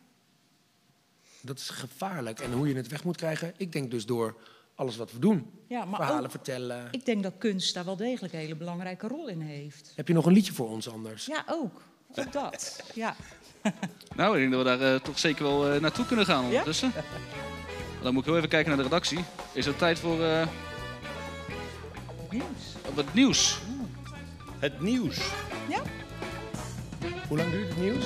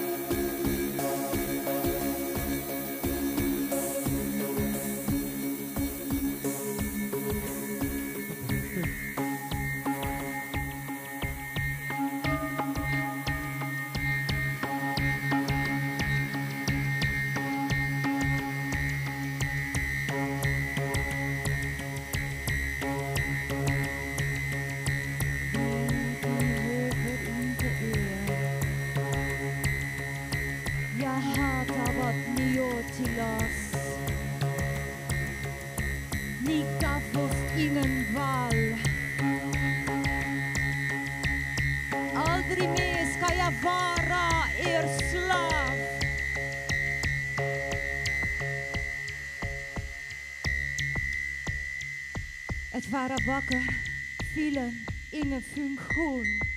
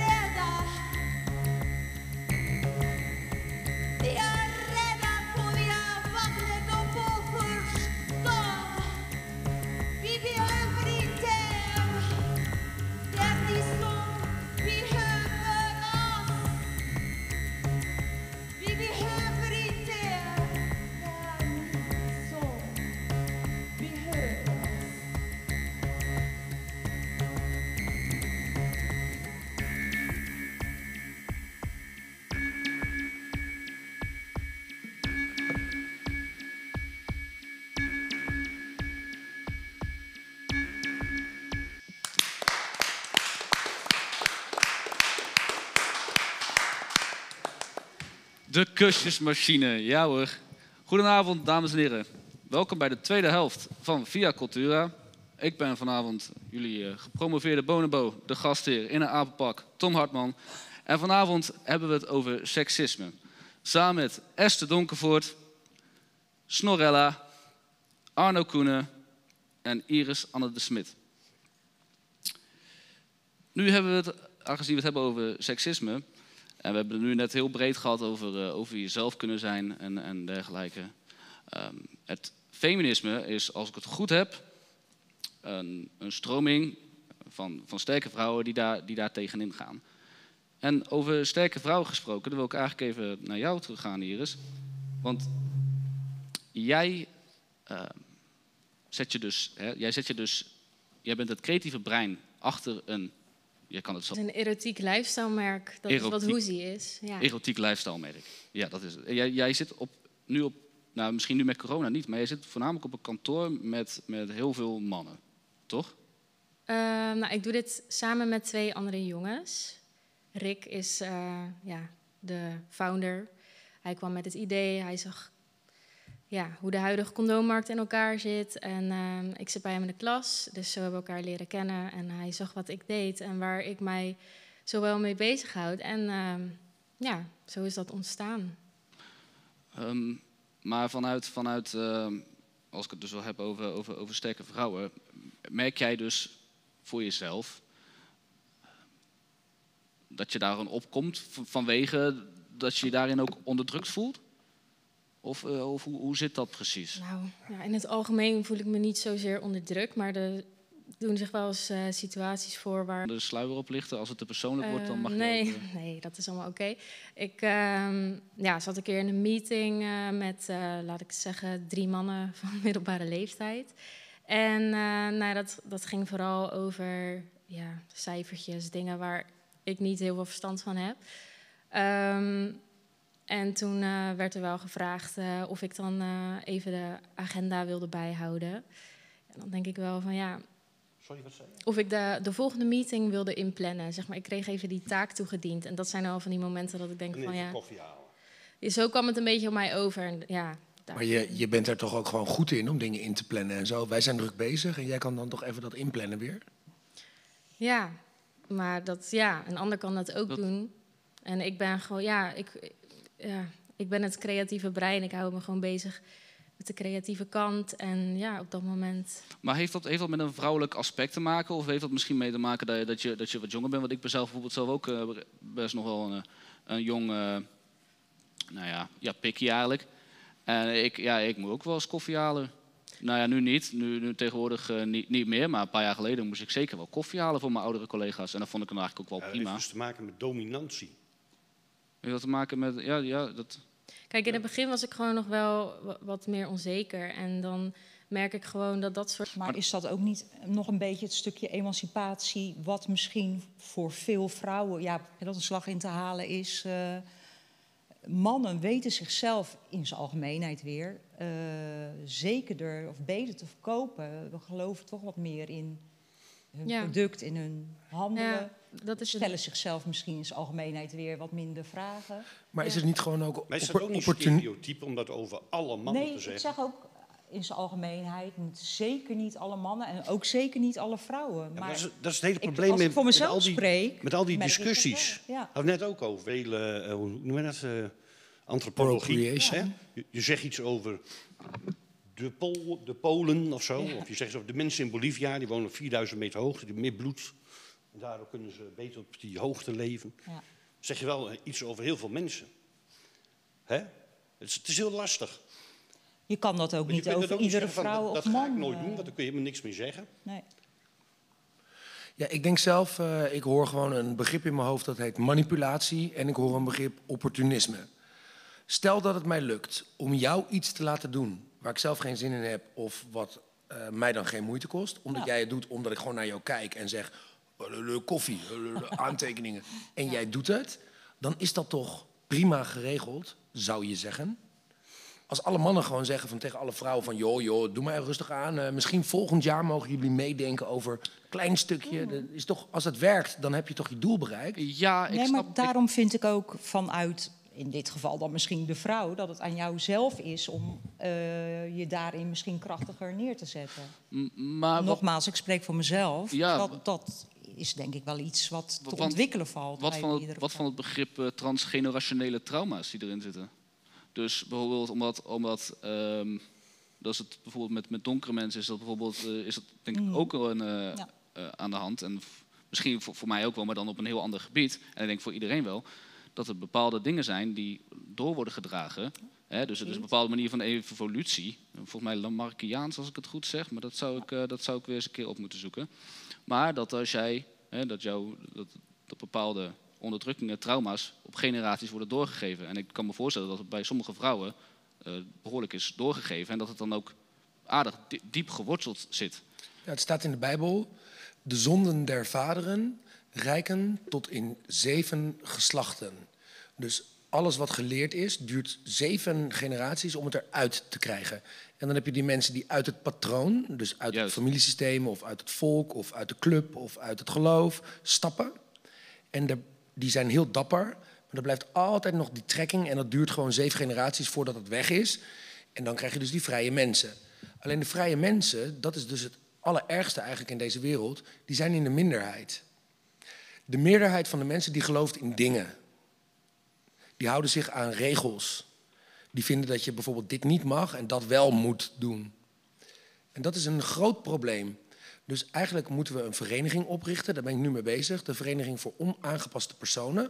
Daar kun je je bij aansluiten. En dan kunnen wij met onszelf ons vrijmaken van de aangepaste. Want die aanpassingen, dat zie je al in de politiek bijvoorbeeld. Je moet of bij groen, of bij rood, of bij christen, of bij eh, dit of dat of zo. Je moet ergens bij. En ik vind dat er een plek moet zijn waar je niet bij hoort. Gewoon de plek om niet bij te horen. Is dat dat in de- met z'n allen. En dan hoor je weer bij elkaar en dan krijg je het weer Ja, toch? Dan opnieuw. krijg je toch gewoon weer een... eh, een, een ja, ik, ik, ik snap wat je bedoelt. Een beetje uit het hokjes denken. Maar aan de andere kant... eh wij mensen houden misschien ook wel van Ik heb hokjes trouwens denken. nog, dat schoot me net te binnen, een heel praktisch voorstel. Ik weet dat ook uit ervaring, relaties tussen mannen en vrouwen, gaan we eventjes heel cisgender doen, mannen en vrouwen. Heel veel problemen zitten dat die mannen, en dat ben, ik- ben er ook zo een, waarschijnlijk zit ik daarom hier ook, eh, eigenlijk niet goed opgevoed zijn. En dat is altijd het probleem in iedere relatie, de sokken, de dit, het schoonmaken. En vroeger, op een gegeven moment was ik een keer met mijn vriend Peter, waren we eh, naar Egypte. Die heeft in het leger gezeten. En we sliepen samen op één kamer. En op een gegeven moment, op een gegeven moment zag ik het. Zijn bed en mijn bed. Hij deed uit zichzelf gewoon s'morgens gewoon zijn bedje opmaken. Schoentjes ervoor, Bij mij was gewoon mijn taslicht aan, een explosie. Vroeger gingen mannen in, jongens in het leger, die moesten zo'n twee jaar erheen, en werden ze gewoon eigenlijk een beetje opgevoed. En dat, dat bestaat niet meer. Nee. Het is een heel stom voorbeeld, maar dat zou, volgens mij zou een hartstikke goed idee zijn. Dan heb je ook dat eh, mensen van verschillende kleurtjes samen dingen moeten doen, dat verbroedert ook allemaal weer leuk. En ze leren inderdaad, van dat gaat dan op zijn mans. Hè, als er eentje die doet, dan moet eh, iedereen moet dan opgeven of zo. Tot, tot iedereen in het gareel loopt en allemaal netjes een bedje opmaakt. Dat zou voor mij heel veel stress in de maatschappij schelen. Maar dat is hetzelfde wat mijn moeder dus heeft gezegd. Kijk om je heen. Is het een troep? Maak het netter dan dat het was. Dus het gaat. Jij, jij noemde ook opvoeding. Ja, Nou ja, en ik denk dat we met elkaar samen leven, omdat we dan de kans hebben om ons door elkaar te laten opvoeden. Alleen, wie is daarin leidend? Zijn zij dat, waarvan we met z'n allen vinden van, nou, pff, die les hoef ik niet te leren? Ja. Of zijn de anderen dat, die echt iets vertellen waardoor je meegenomen wordt in een verhaal en een groter mens wordt en Ja. eh, dingen durft en zo? Want jij zong net een lied eh, na de nieuws, het was weer een concert hoor. En het leek wel een beetje zo op Anne Clark. Ik weet niet of je haar kent. zeker. Ja. Oké, Ja, nou zo klonk het. En zij zingt natuurlijk ook eh, over alle andere dingen in de wereld dan dit en dat. Mhm. Ja. Dus je hebt dit en dat. En daarbuiten heb je alle andere dingen. Ja. En dat noem ik vrijheid. Ja. Dat je leert voelen dat er veel meer is dan waar je je aan vasthoudt. Zeker, heel belangrijk. En ik denk daarbij dat je ook echt bereid moet zijn om naar jezelf te kijken. Hoe doe jij dat dan? Gesprek met jezelf aan te gaan eh, eh, voordat je roept van het ligt aan de ander of de ander doet mij iets aan. Ja, waarom raakt mij dat zo? Of waarom eh, overkomt mij dit? Ik- Ik vind dat wel eens lastig, maar ik probeer dat wel te doen. Maar hoe doe je ik dat probeer dan? dat ook mijn kinderen wel mee te geven. Hoe doe je dan naar jezelf kijken? Ga je er voor de spiegel staan met een kaars erbij? Met een Nou, soort... die spiegel heb ik niet per se, eh, misschien de denkbeeldige spiegel, maar wel om mezelf eens die vragen te stellen. En Ik welke nu- stel je dan?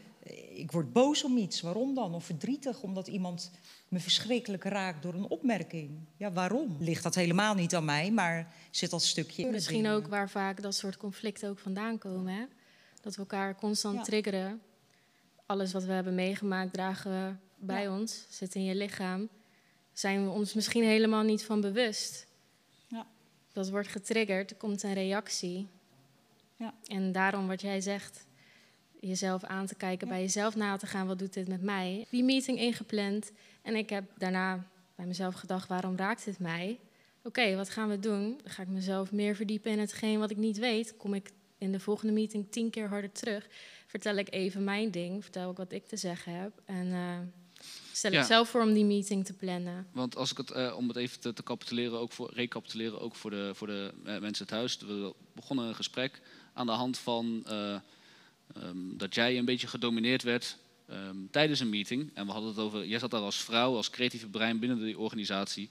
ehm, met een paar mannen die met cijfers bezig waren. Toen werd jou gevraagd om koffie te zetten en dat heeft jou geraakt. Nou ja, dat is een beetje kort door de bocht. En misschien ook niet zo'n heel goed voorbeeld. Maar Ja, maar, wel- in principe is het een, eh, het, het is een voorbeeld. Maar hoe, hoe, heb, hoe heb je dat uiteindelijk dan, hoe ben je daarmee omgegaan daarna? Dat, Nou ja, dat wil je nu gaan vertellen, toch? Ah, nou ja, dat is eigenlijk wat ik net zei. Door gewoon bij mezelf na te denken van ja, waarom, waarom raakt dit mij? En, waarom, en waarom raakte het jou dan zo?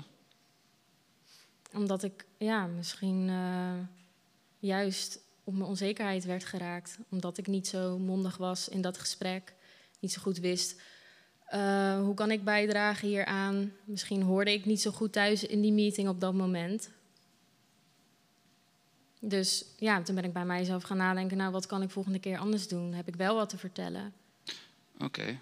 Maar we, of- we gaan nu weer terug over naar de, naar de kusjesmachine zo. Oh maar ik heb nog, nog één laatste vraag. In, in hoeverre, ehm, aangezien we het hebben over, over eh, eh, gendertaferelen... ik weet nog steeds nou niet precies hoe ik het moet noemen als taalbouwer. goed. Gendertaferelen, Ja.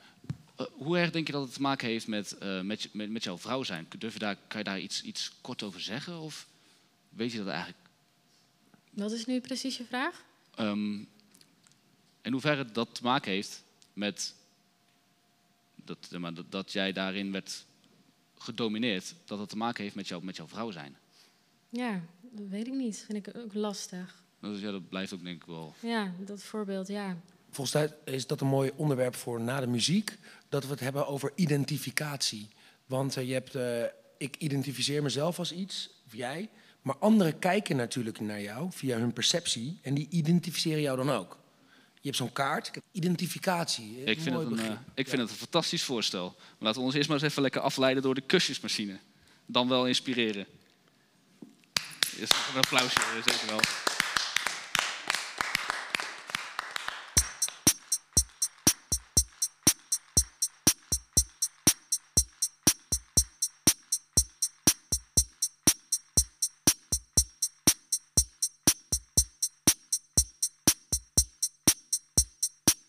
Ik wil een jongen van rubber, van rubber. Ik wil een jongen van silica, van silica. Ik wil een jongen van van rubber. Uit de buurt van buiten, buurt van buiten. Ik wil een rubberen jongen, een jongen. Ik wil een jongen van silica, van silica, van silica, van silica. Ah ja, prachtig. Ehm, maar maar dat, dat, als, ik het, eh, als ik het kort mag samenvatten. eh, Een jongen van rubber en silicoon. Ja, dat sluit jij- wel een beetje aan bij het eh, onderwerp, denk ik. Ja, dat denk Toch? ik, dat denk, ja, dat denk Ja, ik ook ja. wel. Ja, je ziet dat dan samen met je man. Oké, ja, dat, dat, Moet kunnen, toch? ja, dat, moet zeker, dat moet zeker kunnen. Ik vind het, eh, ik vind het, ik vind het weer prachtig, kusjesmachine. ik, eh, ik wil jullie graag nog een keer eh, live zien dat ik niet mag, eh, hoef te zitten, maar dat ik lekker mag dansen. Spreek wel. dat, Die eh, kusjesmachine, is dat eh, te boeken op, eh, waar moet ik dan terecht? Want ik doe dus feesten, evenementen en partijen, bijvoorbeeld Zwarte Cross en zo, heb ik een, een tent. Dat heet dan Gay Café De Kast. Kom de Ruud.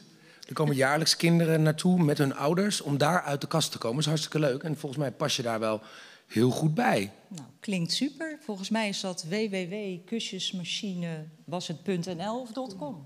.com. www.kusjesmachine.com Yes. Goed, fijn, dan weet ik dat nu, dan eh, kan ik je vinden. Ja. Je had eh, net voor onze muzikale pauze had jij een fantastisch idee over identificatie. Ehm, nou, ik denk dat het eigenlijk voor mij ook zelf de spijker op zijn kop slaat. Eh, omdat dat is ook wel een beetje naar waar ik, waar ik op zoek ben voor mezelf in deze zoektocht. En ik hoop de mensen dan thuis mee te kunnen nemen in deze zoektocht. Eh, wanneer is iemand wat? Ja, Eh, Hoe, wanneer moet ik iemand zo aanspreken? Hoe moet ik iemand, wanneer moet ik iemand zien? Want het is af en toe is het ook lastig om iemand. Het is, het is bijna niet te zien om iemand te zien zoals die persoon zichzelf ziet. Ja. Arno die eh, zei vorige week tegen mij via een WhatsApp: Je zit in een panel. Ik stuurde een vraagteken en toen zei hij: Het is dan. Dat was de informatie. En toen was daarna het onderwerp seksisme.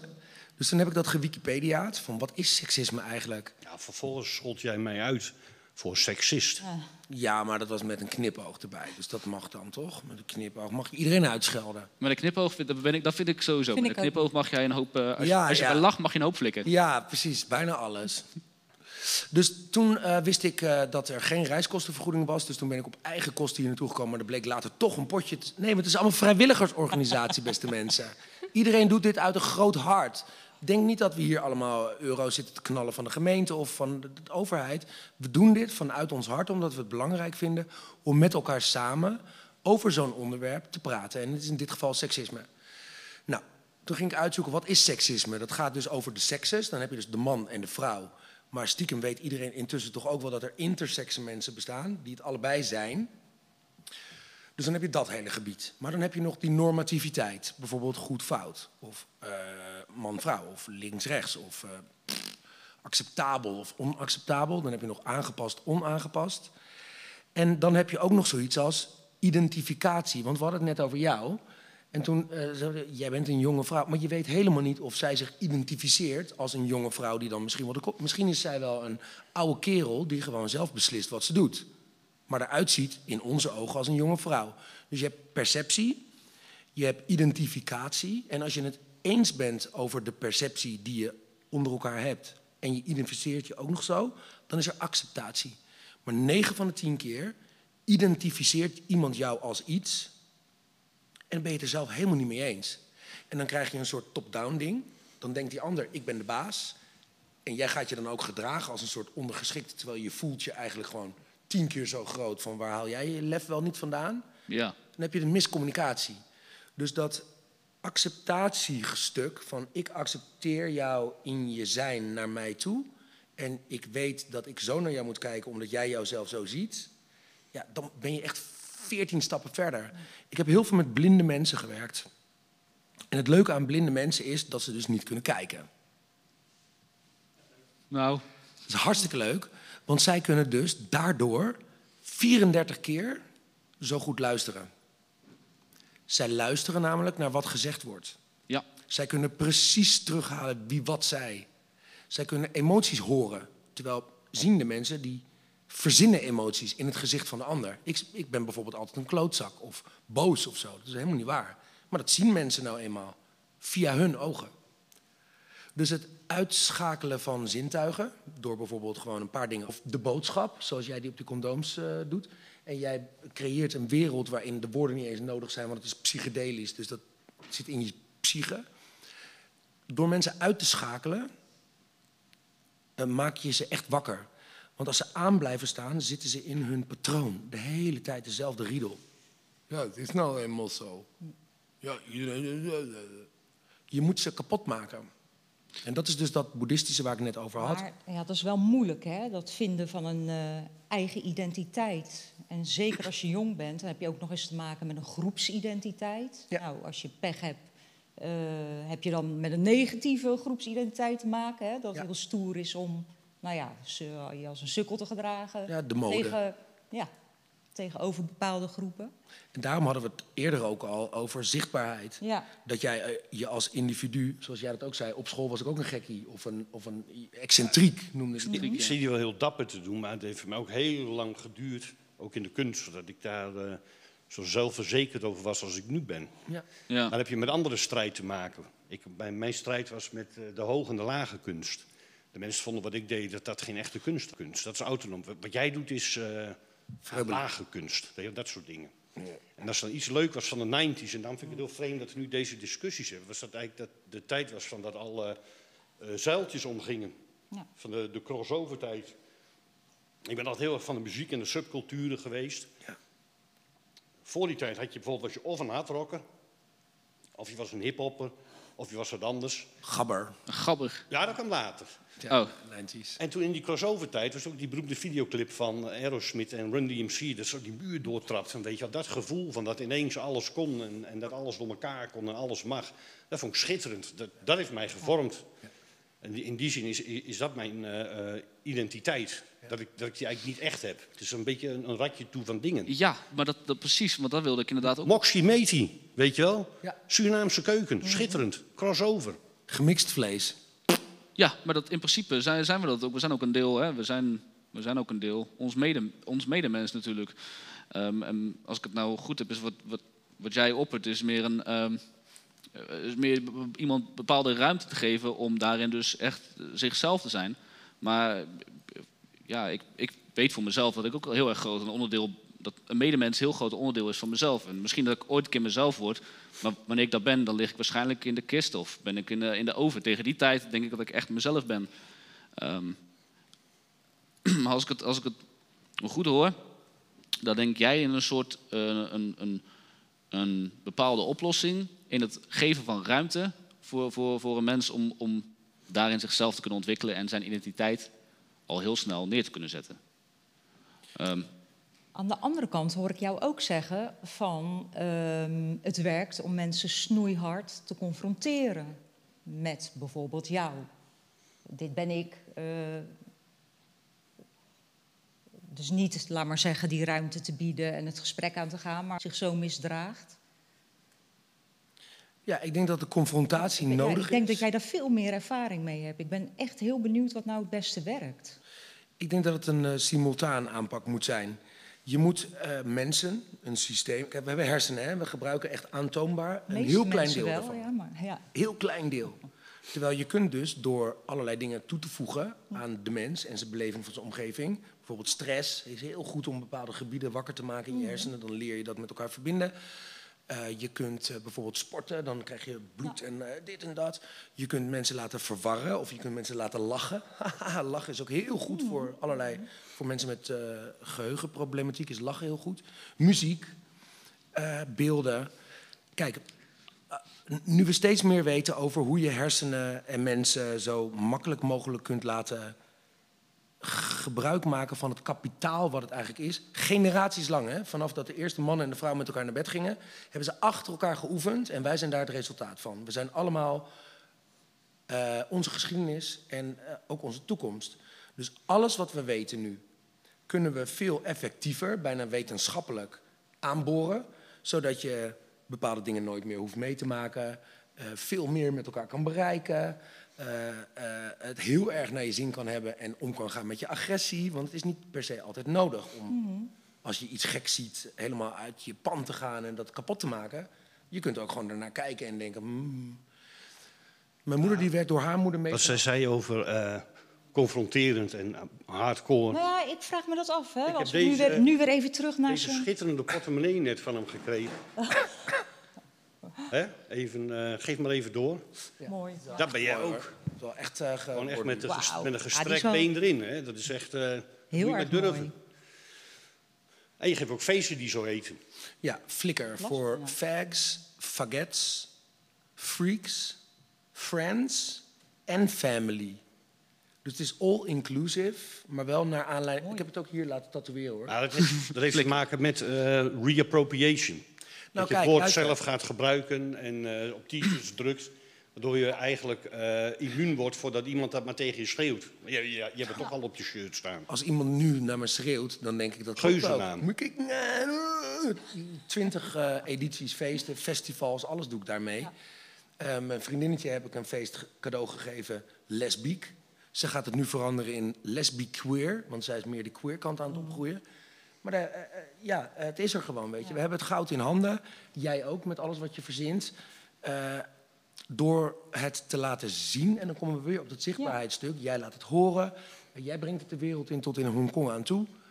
Je, je verzint iets in je ziel of zo, en door het te manifesteren, eh, voed je eigenlijk je omgeving op. Want zij worden daarmee geconfronteerd en ze moeten erover gaan Ja. nadenken, omdat je het in hun bek Nee, hoor, want duwt. ik heb nu echt de jonge homofoob in gedachten. Hè? Van die eh, bij iedere confrontatie juist misschien meer Ja. spierballen laat zien. En, Ja, maar ik heb de beste artiesten, want jij komt bij mij spelen en zij willen jouw concert niet missen, snap je? Dus Kijk, ze moeten komen. Ja, je moet een manier Dan moeten ze een vinden. kaartje kopen voor Ja. Flikker. Ja. Superleuk. Ja, Maar goed. eigenlijk, eigenlijk, als we het dus hebben over eh, jezelf kunnen zijn, eh, dan,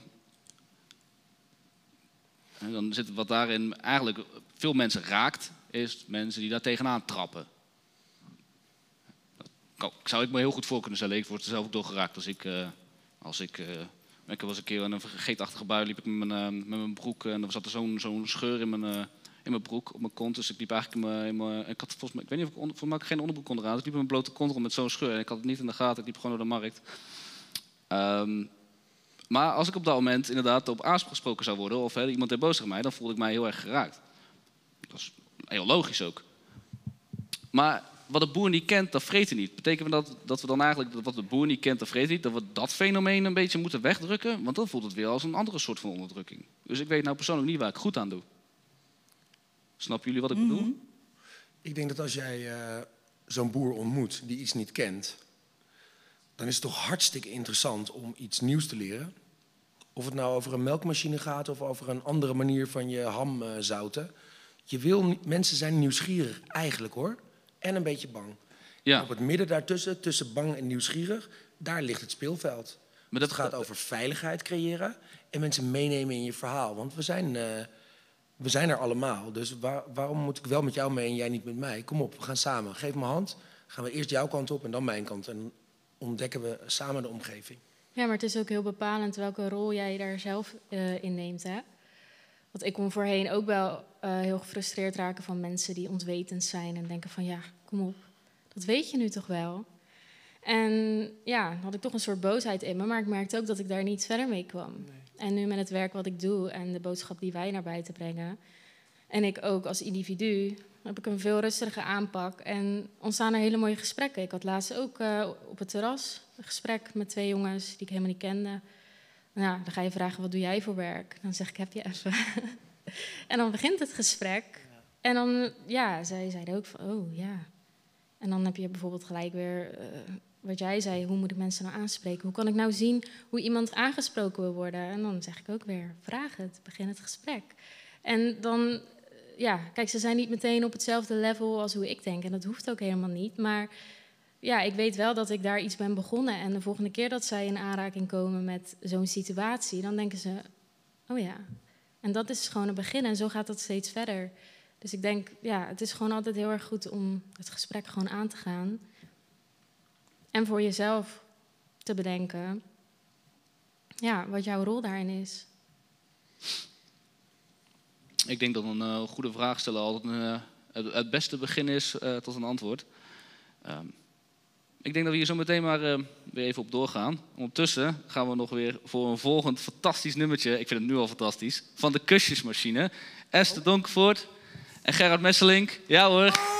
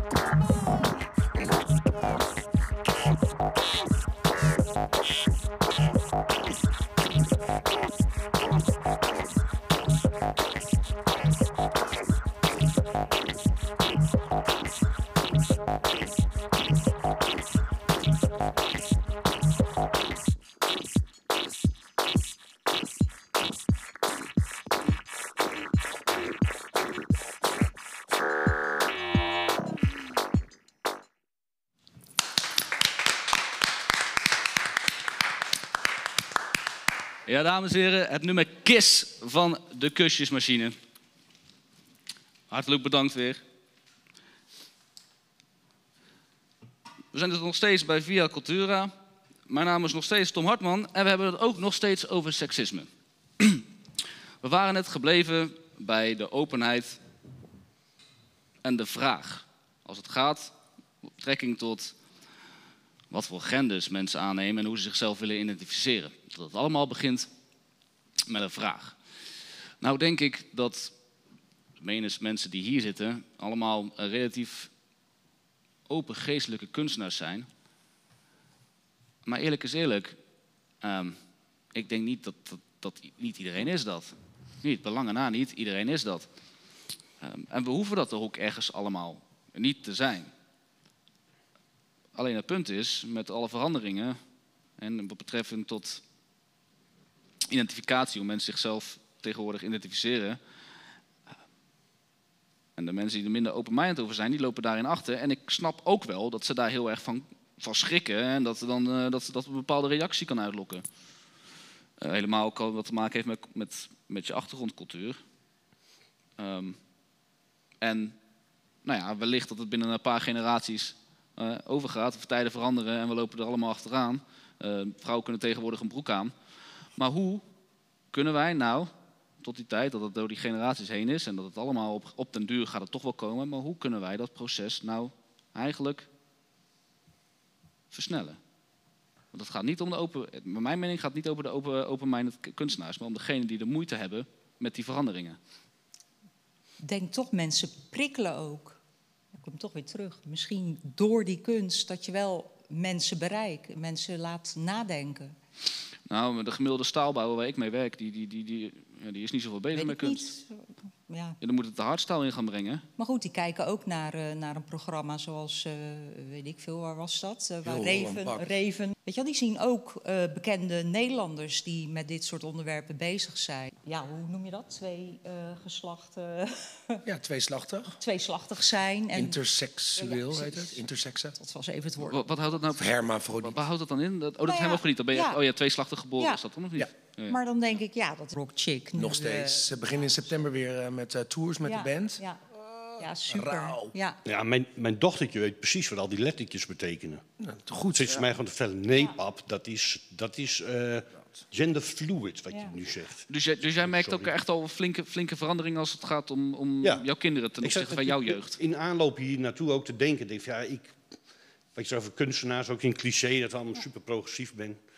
Ik zit ook een beetje tussenin. Weet je wel, bijvoorbeeld met Zwarte Piet discussie. Was ik in het begin, eh, was ik helemaal niet per se voor de afschaffing van Zwarte Piet. Ja. Eh, ik had er een heel ander idee over.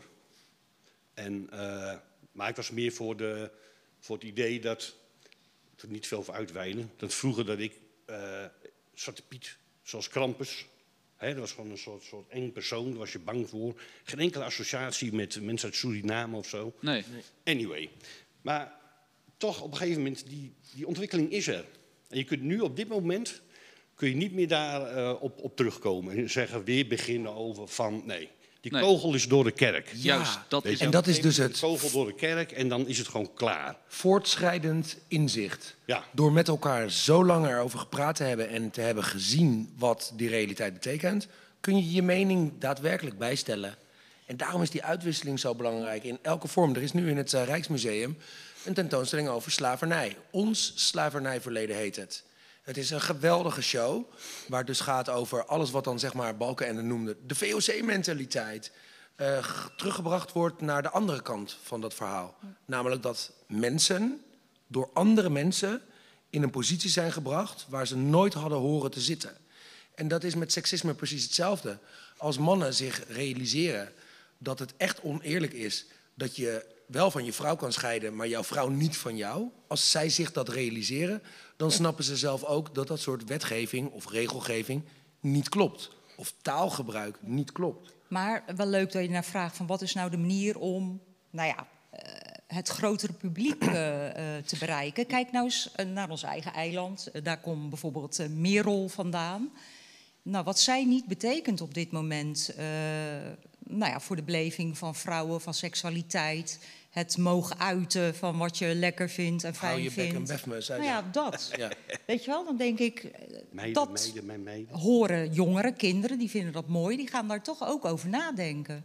Ik vind dat echt iemand van betekenis als je het hebt over, eh, nou ja, toch ook weer over de vrouwenemancipatie. Maar zij is dus ook heel zichtbaar. Absoluut. Ja. Heel zichtbaar. Ja, maar wel heel toegankelijk ook. Lief, hè? Ja. Ja, en Maar dat er gebeuren volgens toch mij... eigenlijk de afgelopen jaren dingen eigenlijk in een behoorlijk rap tempo. Je, nou ja, de laatste jaren gebeurt gebe gebeurt dit soort dingen eigenlijk best veel en in een rap tempo. Er Ja. worden heel veel heilige huisjes geslecht. Nee, maar wij willen, of zijn geneigd, ik praat even voor mezelf, om grote stappen te willen zetten. Terwijl, ja, soms met kleine stapjes, nou misschien jouw Zwarte Pieten voorbeeld, kom je er, vind Maar ja, het, zijn, toch dat weer... zijn natuurlijk de kindertjes, net als met Zwarte Piet, die discussie. Dat is een discussie van volwassen mensen. Ja. Als jij tegen een kind zegt van, ja, Zwarte Piet, dat is, dat is heel wat anders, joh. Dat is een eh, smurf of whatever. Dan accepteren ze dat gewoon. Die doen daar niet moeilijk over. Ja. Die zeggen, oh, nou, nog leuker, Ja. weet je wel. Dat, eh, Dus eigenlijk, Arno, zeg jij dan... Eigenlijk zeg jij van dat kinderlijke brein... wat gewoon als automatisch leuke dingen opslaat als waarheid... Ja. dat is wat je volwassen mensen moet net leren. Mijn kinderen die ontdekken. zijn helemaal fan van eh RuPaul Drag Race. Weet je wel? Dat is gewoon een mainstream programma geworden. Waar de jongelui naar kijken en helemaal te gek vinden. Wij, ik, ik als oude man heb daar nog aan moeten wennen. Maar voor hun is het gewoon nu al gewoon mainstream eh, popcultuur. En ze vinden dat schitterend. Bij, ik vond een mooi voorbeeld bij eh, hoe heet het, dat datingprogramma. Dat helemaal niemand meer over heeft. Dat er twee mannen of vrouwen aan tafel zitten. Of twee, twee oude mensen. Of eh, hoe heet dat nou? First dates? First date, ja. Ja, Ja. Ja, vind is ik mooi. helemaal hoor. geen issues, helemaal geen onderwerp. Dat is gewoon zo. Twee kerels te daten of twee vrouwen. Of, eh, het is Ja. helemaal geen onderwerp. Dat vind ik een mooi voorbeeld van dat. het- Dat is al post. Dat is al. eh, Ja, dat, dat het al je voorbij ziet is. het ook heel veel in films, hè, op Netflix en zo. Heel Ja. veel films waarin gewoon eh, ja, mannenliefde, vrouwenliefde eh, gewoon super expliciet aanwezig is. Vroeger werden alleen maar vrouwen verkracht in films. Maar Ja, eh, je hebt Halstom, je of je dat hebt gezien. Iris, merk, jij nou, dus jij bent bezig met eh, een condoom, eh, erotieke lifestyle, waarin je dus eigenlijk condooms verkoopt, maar daadwerkelijk niet, niet zozeer de condooms, maar meer de, het gedachtegoed daarachter. Ehm, eh, wat, wat, jou, wat jullie merk uniek maakt. En die gedachte erachter is dus hè, de, de gelijkheid. En merk jij dan, wat zijn de reacties? Hoe merk je dat, hoe reageren Ja, ik, eh, we hebben ook gewoon. eh, ja, we, we, communiceren eigenlijk voornamelijk ook via Instagram. En daar is, zo- ja, zorg ik ook echt dat er ruimte is voor dialoog. En om het gesprek heel positief. negativiteit, dat ervaar je dan denk ik ook wel. Als je, als je zichtbaar wordt, heb je altijd negativiteit, toch? Ja, ja, er is ook wel, eh, wel eens negativiteit, maar dan is dat ook niet per se. Maar misschien- Ja, weet je, de- bij dat soort onderwerpen. Er zijn altijd verschillende reacties, maar zoals ik net ook al zei, dan denk ik wel, als we daarover blijven praten, dan. Kijk, sommige mensen hebben gewoon wat langer nodig om aan het idee te wennen. En ik denk ook, ehm, ja, ik zit er zelf zo in, ver- ben ik ook best wel verrast als iemand negatief reageert. Dan denk ik van ja, waarom En hoe was dat dan binnen jouw familie? Want jij bent dan een meid, zeg maar. Je bent denk ik ook seksueel actief al, want je bent boven de 18. En zo. Onder de 18 mag het ook hoor. Maar, ja. En dan, dan heb je dus een bedrijf met die companen van jou. En die een heeft het bedacht en jij werkt erin mee, want jij bent een creatief brein en nu heb je dit. Maar heb je niet het gevoel, als je erover praat, condooms, vrouw, dat zij dan jou als een soort hoer zien of zo? Nee. Mijn familie of eh naasten? Nee, absoluut niet. Dus dan zeg jij eigenlijk, het is best wel normaal al dat ik als vrouw in een soort branche die gaat over seksualiteit en vrijheid eh, een product neerzet. Ja, absoluut. Zeker.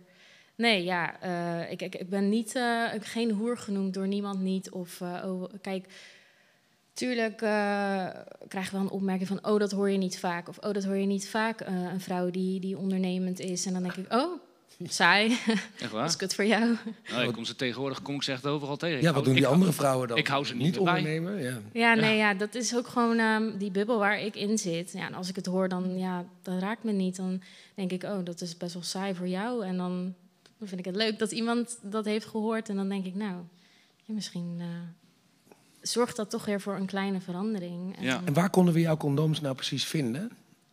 Op www.hoezie.love en op Instagram, hoezie-official. Hoe schrijf je hoezie? Eh, H-U-Z-Z-Y. Ahuze. Want eh, ja, het komt eigenlijk van een oud-Amerikaans woord, hassie. En dat betekent ehm, sletterig en of immoreel meisje. leuk. Maar dat, eh, zo'n woord is er niet voor man, want het zegt meisje. Wat is dat woord? Hassie. Hassie, oud-Amerikaans woord. Ja. H-U-Z-Z-I. Dus geen sletterig of immoreel persoon, maar sletterig of immoreel meisje. Meisje. Ja, dat is Ehm, dus seksisme. Ja, dus wij ja, willen dat gewoon weer een positieve... Het is een, eigenlijk een geuzennaam. We willen Ja, een beetje zoals Flickr. Gewoon terug. Reclaim your Precies. name. Ja, ja, ja, precies. Ja, Gooi, gooi- ja. draai, draai het om. En het Draai is gewoon een lekker woord. Ik bedoel, only hoezie en my pussy. Kijk, kijk, lachen erbij. Ze heeft dus het verhaal heel goed bedacht. En je hebt dus eigenlijk ook precies eh, gedaan wat belangrijk is. Namelijk iets wat een negatieve connotatie heeft. Teruggrijpen en zeggen, fuck you, ik bepaal zelf wat ik ben. Ja, Dus je hebt het gewoon gereïdentificeerd. En ik denk dat dat ook een hele, een hele, hele goede insteek is. Want dat doe jij ook inderdaad. Ja, als je, je krijgt iets naar je toe geworpen en je gaat het, je gaat het pakken. Je, je komt voor jezelf op en je houdt het nog steeds aan, maar je pakt het als een neer. Ja, Het is, het is wie jij bent en dan eigenlijk verander je niet, verander je niet het woord. Je wilt geen ander woord voor jezelf, maar je, eh, nee, ja, maar je verandert het woord. Dus je neemt niet een ander woord aan, een ander naampje voor jezelf. Maar dat Ja. naampje wat ze naar je kop hebben geschreven, dat pak jij op en dan maak je iets tofs. Hetzelfde met hoezie. Ik bedoel, als jij eh, dus tien jaar geleden als hoezie over straat ging en mensen riepen het, dan voelde jij je dus een on, ongoed, immoreel, seksueel meisje. Ja. Net hetzelfde met flikker. Maar hoe meer flikkers er zijn, hoe meer hoezies er zijn, hoe minder zin het heeft om dat naar mensen te roepen. Want ze identificeren zich ook als zodanig. Dus het is geen scheldwoord meer. Dus je kan ze niet meer raken. Dus het glijdt als een soort natte stront van die rug af. Dus Ja. eigenlijk, het is precies hetzelfde. ja ik Nou ja. kan ook zeggen, ik ben een slet. Ik kan dat zeggen tegen vrienden onderling. Maar natuurlijk is het anders als iemand anders jou zo noemt. Ik ben vroeger ook wel eens zo genoemd. Ik denk dat elk meisje, elke vrouw dat wel, eh, wel eens iets heeft gehoord. Hè? Ehm, en ik ben nu vrij zeker van mijn zaak. Ehm, ja, weet je, het maakt mij... Ik doe wat ik doe en daar sta ik achter. Maar tuurlijk heb ik ook mijn onzekerheden. En zijn er ook dagen dat ik denk, ik blijf binnen. Ik ga niet Bijna over straat. iets van het Songfestival over, hè? Ja. En van Astrid Nijg. Van dat je, eh, dat je moet jezelf zijn en je moet gewoon doen wat je... Het viel Ja, echt op. Het lijkt me dat, eh, dat individualisme was, was volgens mij eh, was het 20 of 30 of 40 jaar geleden ook al heel erg gaan. En het lijkt mij dat het juist alleen maar groeit dan.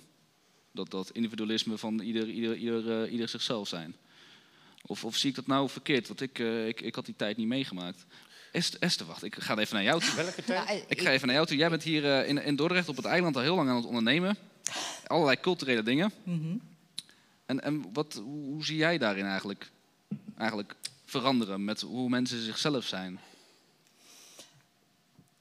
Mm, ja, ik zie daar niet hele extreme veranderingen in, helaas. Ik Niet? vind eigenlijk helemaal niet dat we zulke hele grote stappen vooruit zetten daarin. Ja. Eh, Ik zie nog steeds, ik denk dat naakt douchen, dat er een tijd is geweest dat jongens onderling dat deden. Eh, Ik moet heel erg wennen, maar misschien ben ik heel ouderwets hoor, dat dat tegenwoordig iets is wat niet meer normaal is. Ik zie dat zelf als achteruitgang, maar dat is natuurlijk een soort ja, label wat ik er weer aan geef. Oh, dat, dat doen ze dat tegenwoordig? Gaan ze Nou ja, de voetbalverenigingen hoor ik Oh. dat dat toch niet meer helemaal... eh, Ja, toen eh, gastarbeiders naar Nederland kwamen, en dat heeft dus weer te maken met de religie. ja, Eh, andere want invloeden, in de is- andere islam bijvoorbeeld, en het jodendom ook, mag je als man je geslacht niet aan een andere man laten zien. Dus is het logisch dat jij eh, of met je handen voor je scrotum, of hoe je dat wilt noemen, eh doucht, of bij met voorkeur met, een onderbroek onderbroek aan. aan, want dan zie je het ook niet. Nederlanders hebben, en in Scandinavië ook, heel lang zo'n soort topless cultuur, ge, en, en nudistencultuur, in Berlijn ook, weet je wel. In, oh ja, oh, nudisten. Maar dat is het weer hetzelfde als in de wiskunde. Het komt Ja. en het gaat. Want er zijn nu ook allerlei meiden die hun hoofddoek af willen. Dus er komt iets dat er ook Ja. jongens zijn die hun onderbroek uit willen. Ja, Want het is gewoon ja, een idee dat je dat niet mag laten zien en dat je je dan schaamt. Ja. Body shaming. Ja. Dan kun je ook nog elkaars piemel zien en zo. Oh, dan word je misschien wel opgewonden, dan ben je misschien Ja. wel homo. Ja, ja, ja. Nou ja, dat komt en dat gaat. Ja. Want als je naar een gay sauna gaat, dan komen ze daar heus wel hoor, zonder onderbroek. Ja. Dus het is vooral in de sportschool in zo'n eh, eh, heterofiele, masculine, toxic omgeving waar dit gedrag Ja. wordt gebezigd. Want op het internet en eh, loverboys en eh betaal eh slethoeren en zo, het, zijn, het is iedereen. Ja. Iedereen houdt van seks bij Nee, voorkeur hoor, op een en- veilige en, manier. En los van op ons eigen eiland hoor je natuurlijk ook, hè, pas op het journaal, eh, twee mannen die mm, tot twee keer toe in elkaar gemapt zijn omdat ze hand in hand lopen. Dan Ja, dat vind ik ook ver gaan. Mannen moeten niet hand in hand lopen. Ja, weet je, dan denk ik, god, dat dat vandaag de dag in Ja, maar dat als Amsterdam gebeurt. Ik, ik, ja, misschien heel Ja, naïef van kan- mij, maar dan denk ik... Sorry, de, de schiet me even, je, je, had- het over de sportschool. Ja. Er schiet me even wat te binnen, want ik herken dat ook, weet je wel. Dat, eh, dan ga je douchen van bepaalde types, je hebt dan een onderbroek aan en ik loop er gewoon met blote ballen, weet je wel. Ah, dan schaam ik me niet. Ik voel, ik, ja, ik voel mij wel een beetje beter. Ik ben verder dan jij. Het interesseert me geen bal. Ik loop gewoon drie keer op en neer zo. Met een klokkenspel voor zijn gezicht. Eh, maar het kan ook anders. Ik train een keer in Rotterdam bij een sportschool. Dat je ook een sauna. Maar die werd eigenlijk een beetje gedomineerd door enorme bodybuild-homo's. Dan waren de hetero-mannen altijd een beetje zo van... eh, nou, zal ik daar wel naar binnen gaan? Want dan weet je ook echt als... eh, Dat voelde ik dan ook. Dus, nou ja, zo kijken mannen dus blijkbaar naar vrouwen. Die zat er ook gewoon zo... Die zat je ook gewoon te checken. Ah, lekker checken. En, maar ik, ik, ik vond het wel grappig. Omdat je dan denkt van... Nou, dan weet je ook eens hoe dat is. Ja. Ik ben laatst gemetoed. Ja, Hij is gemetoed. ja, door een Italiaanse curator. Want je had hem geïntimideerd of zo met je Nee, mannelijkheid. te appen en in één keer zegt hij van... eh, Can I see your ass? Oeh, zo. Ja, ik vond het hilarisch. ik vond het niet bedreigd of zo, maar... Ik denk, oké. Ja, maar het blijft wel iets van alle tijden. Ik vind nou niet dat we ons zo mega aan het ontwikkelen zijn. Nee, je- eh, nou ja, op sommige gebieden misschien wel. We doen allemaal knetterhard ons best. Maar, ja, misschien, ja. misschien met bepaalde, bepaalde eh, richtlijnen en ongeschreven regels. Maar van nature, hè, dat is misschien die Mhm. ongeschreven regels. Dat is misschien de zeven generaties waar eh Snorella het Ja. eerder over had. Ja. Maar waarom is het dan eigenlijk niet erg dat ik gemetoed word en niemand anders wel? Nou, dat is eh, in principe, ben, een, grote in principe eh, heet dat seksuele intimidatie. Ja, Ja. Dus je wordt gewoon gevraagd om iets intiems te delen. Maar het is natuurlijk zo dat mensen het wel mogen vragen aan jou. Alleen de vraag is, ben ik weerbaar om dat antwoord te dragen? Bijvoorbeeld te zeggen, nee gast, ben je gek? Of een bloem terug te Ja. sturen. Of als iemand je uitscheldt voor flikker of eh, onbetamelijk meisje. Dat je dan voelt van, jij kunt het wel zien en jij kunt het wel zeggen. Maar ik weet dat dit niet zo is. Daarom ben ik ook heel erg voor blinde mensen. Die hebben helemaal niks met alles wat er eh, zichtbaar is. Maar gewoon met hun gevoel. Hoor ik het? Voel ik het? Durf ik het? En de rest is eigenlijk de kleren van de keizer. Het is allemaal een leugen. Ja. Maar het ziet er wel mooi uit. nou ja, ik had, ik had toen zoiets van, nou, dit is wat vrouwen heel vaak gebeurt. Hij is niet meer geïnteresseerd in mijn kunst. Begrijp je wat ik bedoel? Ja. Zo gebeurt Daar zei ik ook van, nee, maakt niet uit. Maar ik vind het wel jammer dat je niet zo geïnteresseerd bent in mijn kunst. Nee. Goed gesprek. Kun je je titel laten zien? Dat is ook seksisme. Ja, Dus in, blijkbaar mag eh, dat gewoon bij een... eh, ja. in een ideale wereld zouden we allemaal blind zijn. Nou, ik denk als Nou. je je vaker concentreert op het fenomeen... luister nou eens echt naar wat er is... dat je veel minder ruis hebt. Hetzelfde als je niet meer kan horen. Dus als je niks hoort en je moet echt kijken... dat je dan echt ziet wat er is. En dan heb je nog dat denken, zeg maar. Maar daar kun je in getraind worden door liedjes zoals... eh, sorry. Liedjes zoals Sorry? Hallo. Oh, nou dan komt, dan komt dat lied vast op de nieuwe cd. Maar, ehm, oh, nou ben ik het heel even, eh, heel even, nou was ik het heel even weer kwijt. Doei. Eh, nou ja, je, je hebt nou? al die zintuigen. Oh ja, die zintuigen hadden we Daarmee percipiëren we en kunnen we dus ook zoiets als seksisme bepalen. Maar als jij één zintuig weghaalt, moet je met die andere vier beter je best doen. En elke keer zul je meer zien. Zo. Bij mij vallen, vallen ze steeds verder uit. Dan een leesbril, een, eh, moet een gehoorapparaat. Steunzolen. Ik hoor een eh, muziekje, maar ik weet niet waar dat... eh, Oh, we zijn klaar. Dat is de eindtune, Nou, denk ik. dan zal we even een eh, afronding eh, ervan maken. Dames en heren, waren, dat was via Cultuur weer. We hadden vandaag de gast Esther Donkervoort. Gerard Messeling, die vormen samen ook de kusjesmachine voor de muziek. Ja, een applaus daarvoor. Snorella uit Amsterdam. Arno Koenen, ook een Dordtenaar. Hè, als ik het niet benoem, dan zijn het gewoon Dordtenaren. En Iris Anne de Smit. Ik was zelf nog steeds Tom Hartman. Eh, we hadden het over seksisme. Er is nog niet echt een conclusie mogelijk. Zichtbaarheid, dat is belangrijk. Fijne avond en tot de volgende keer.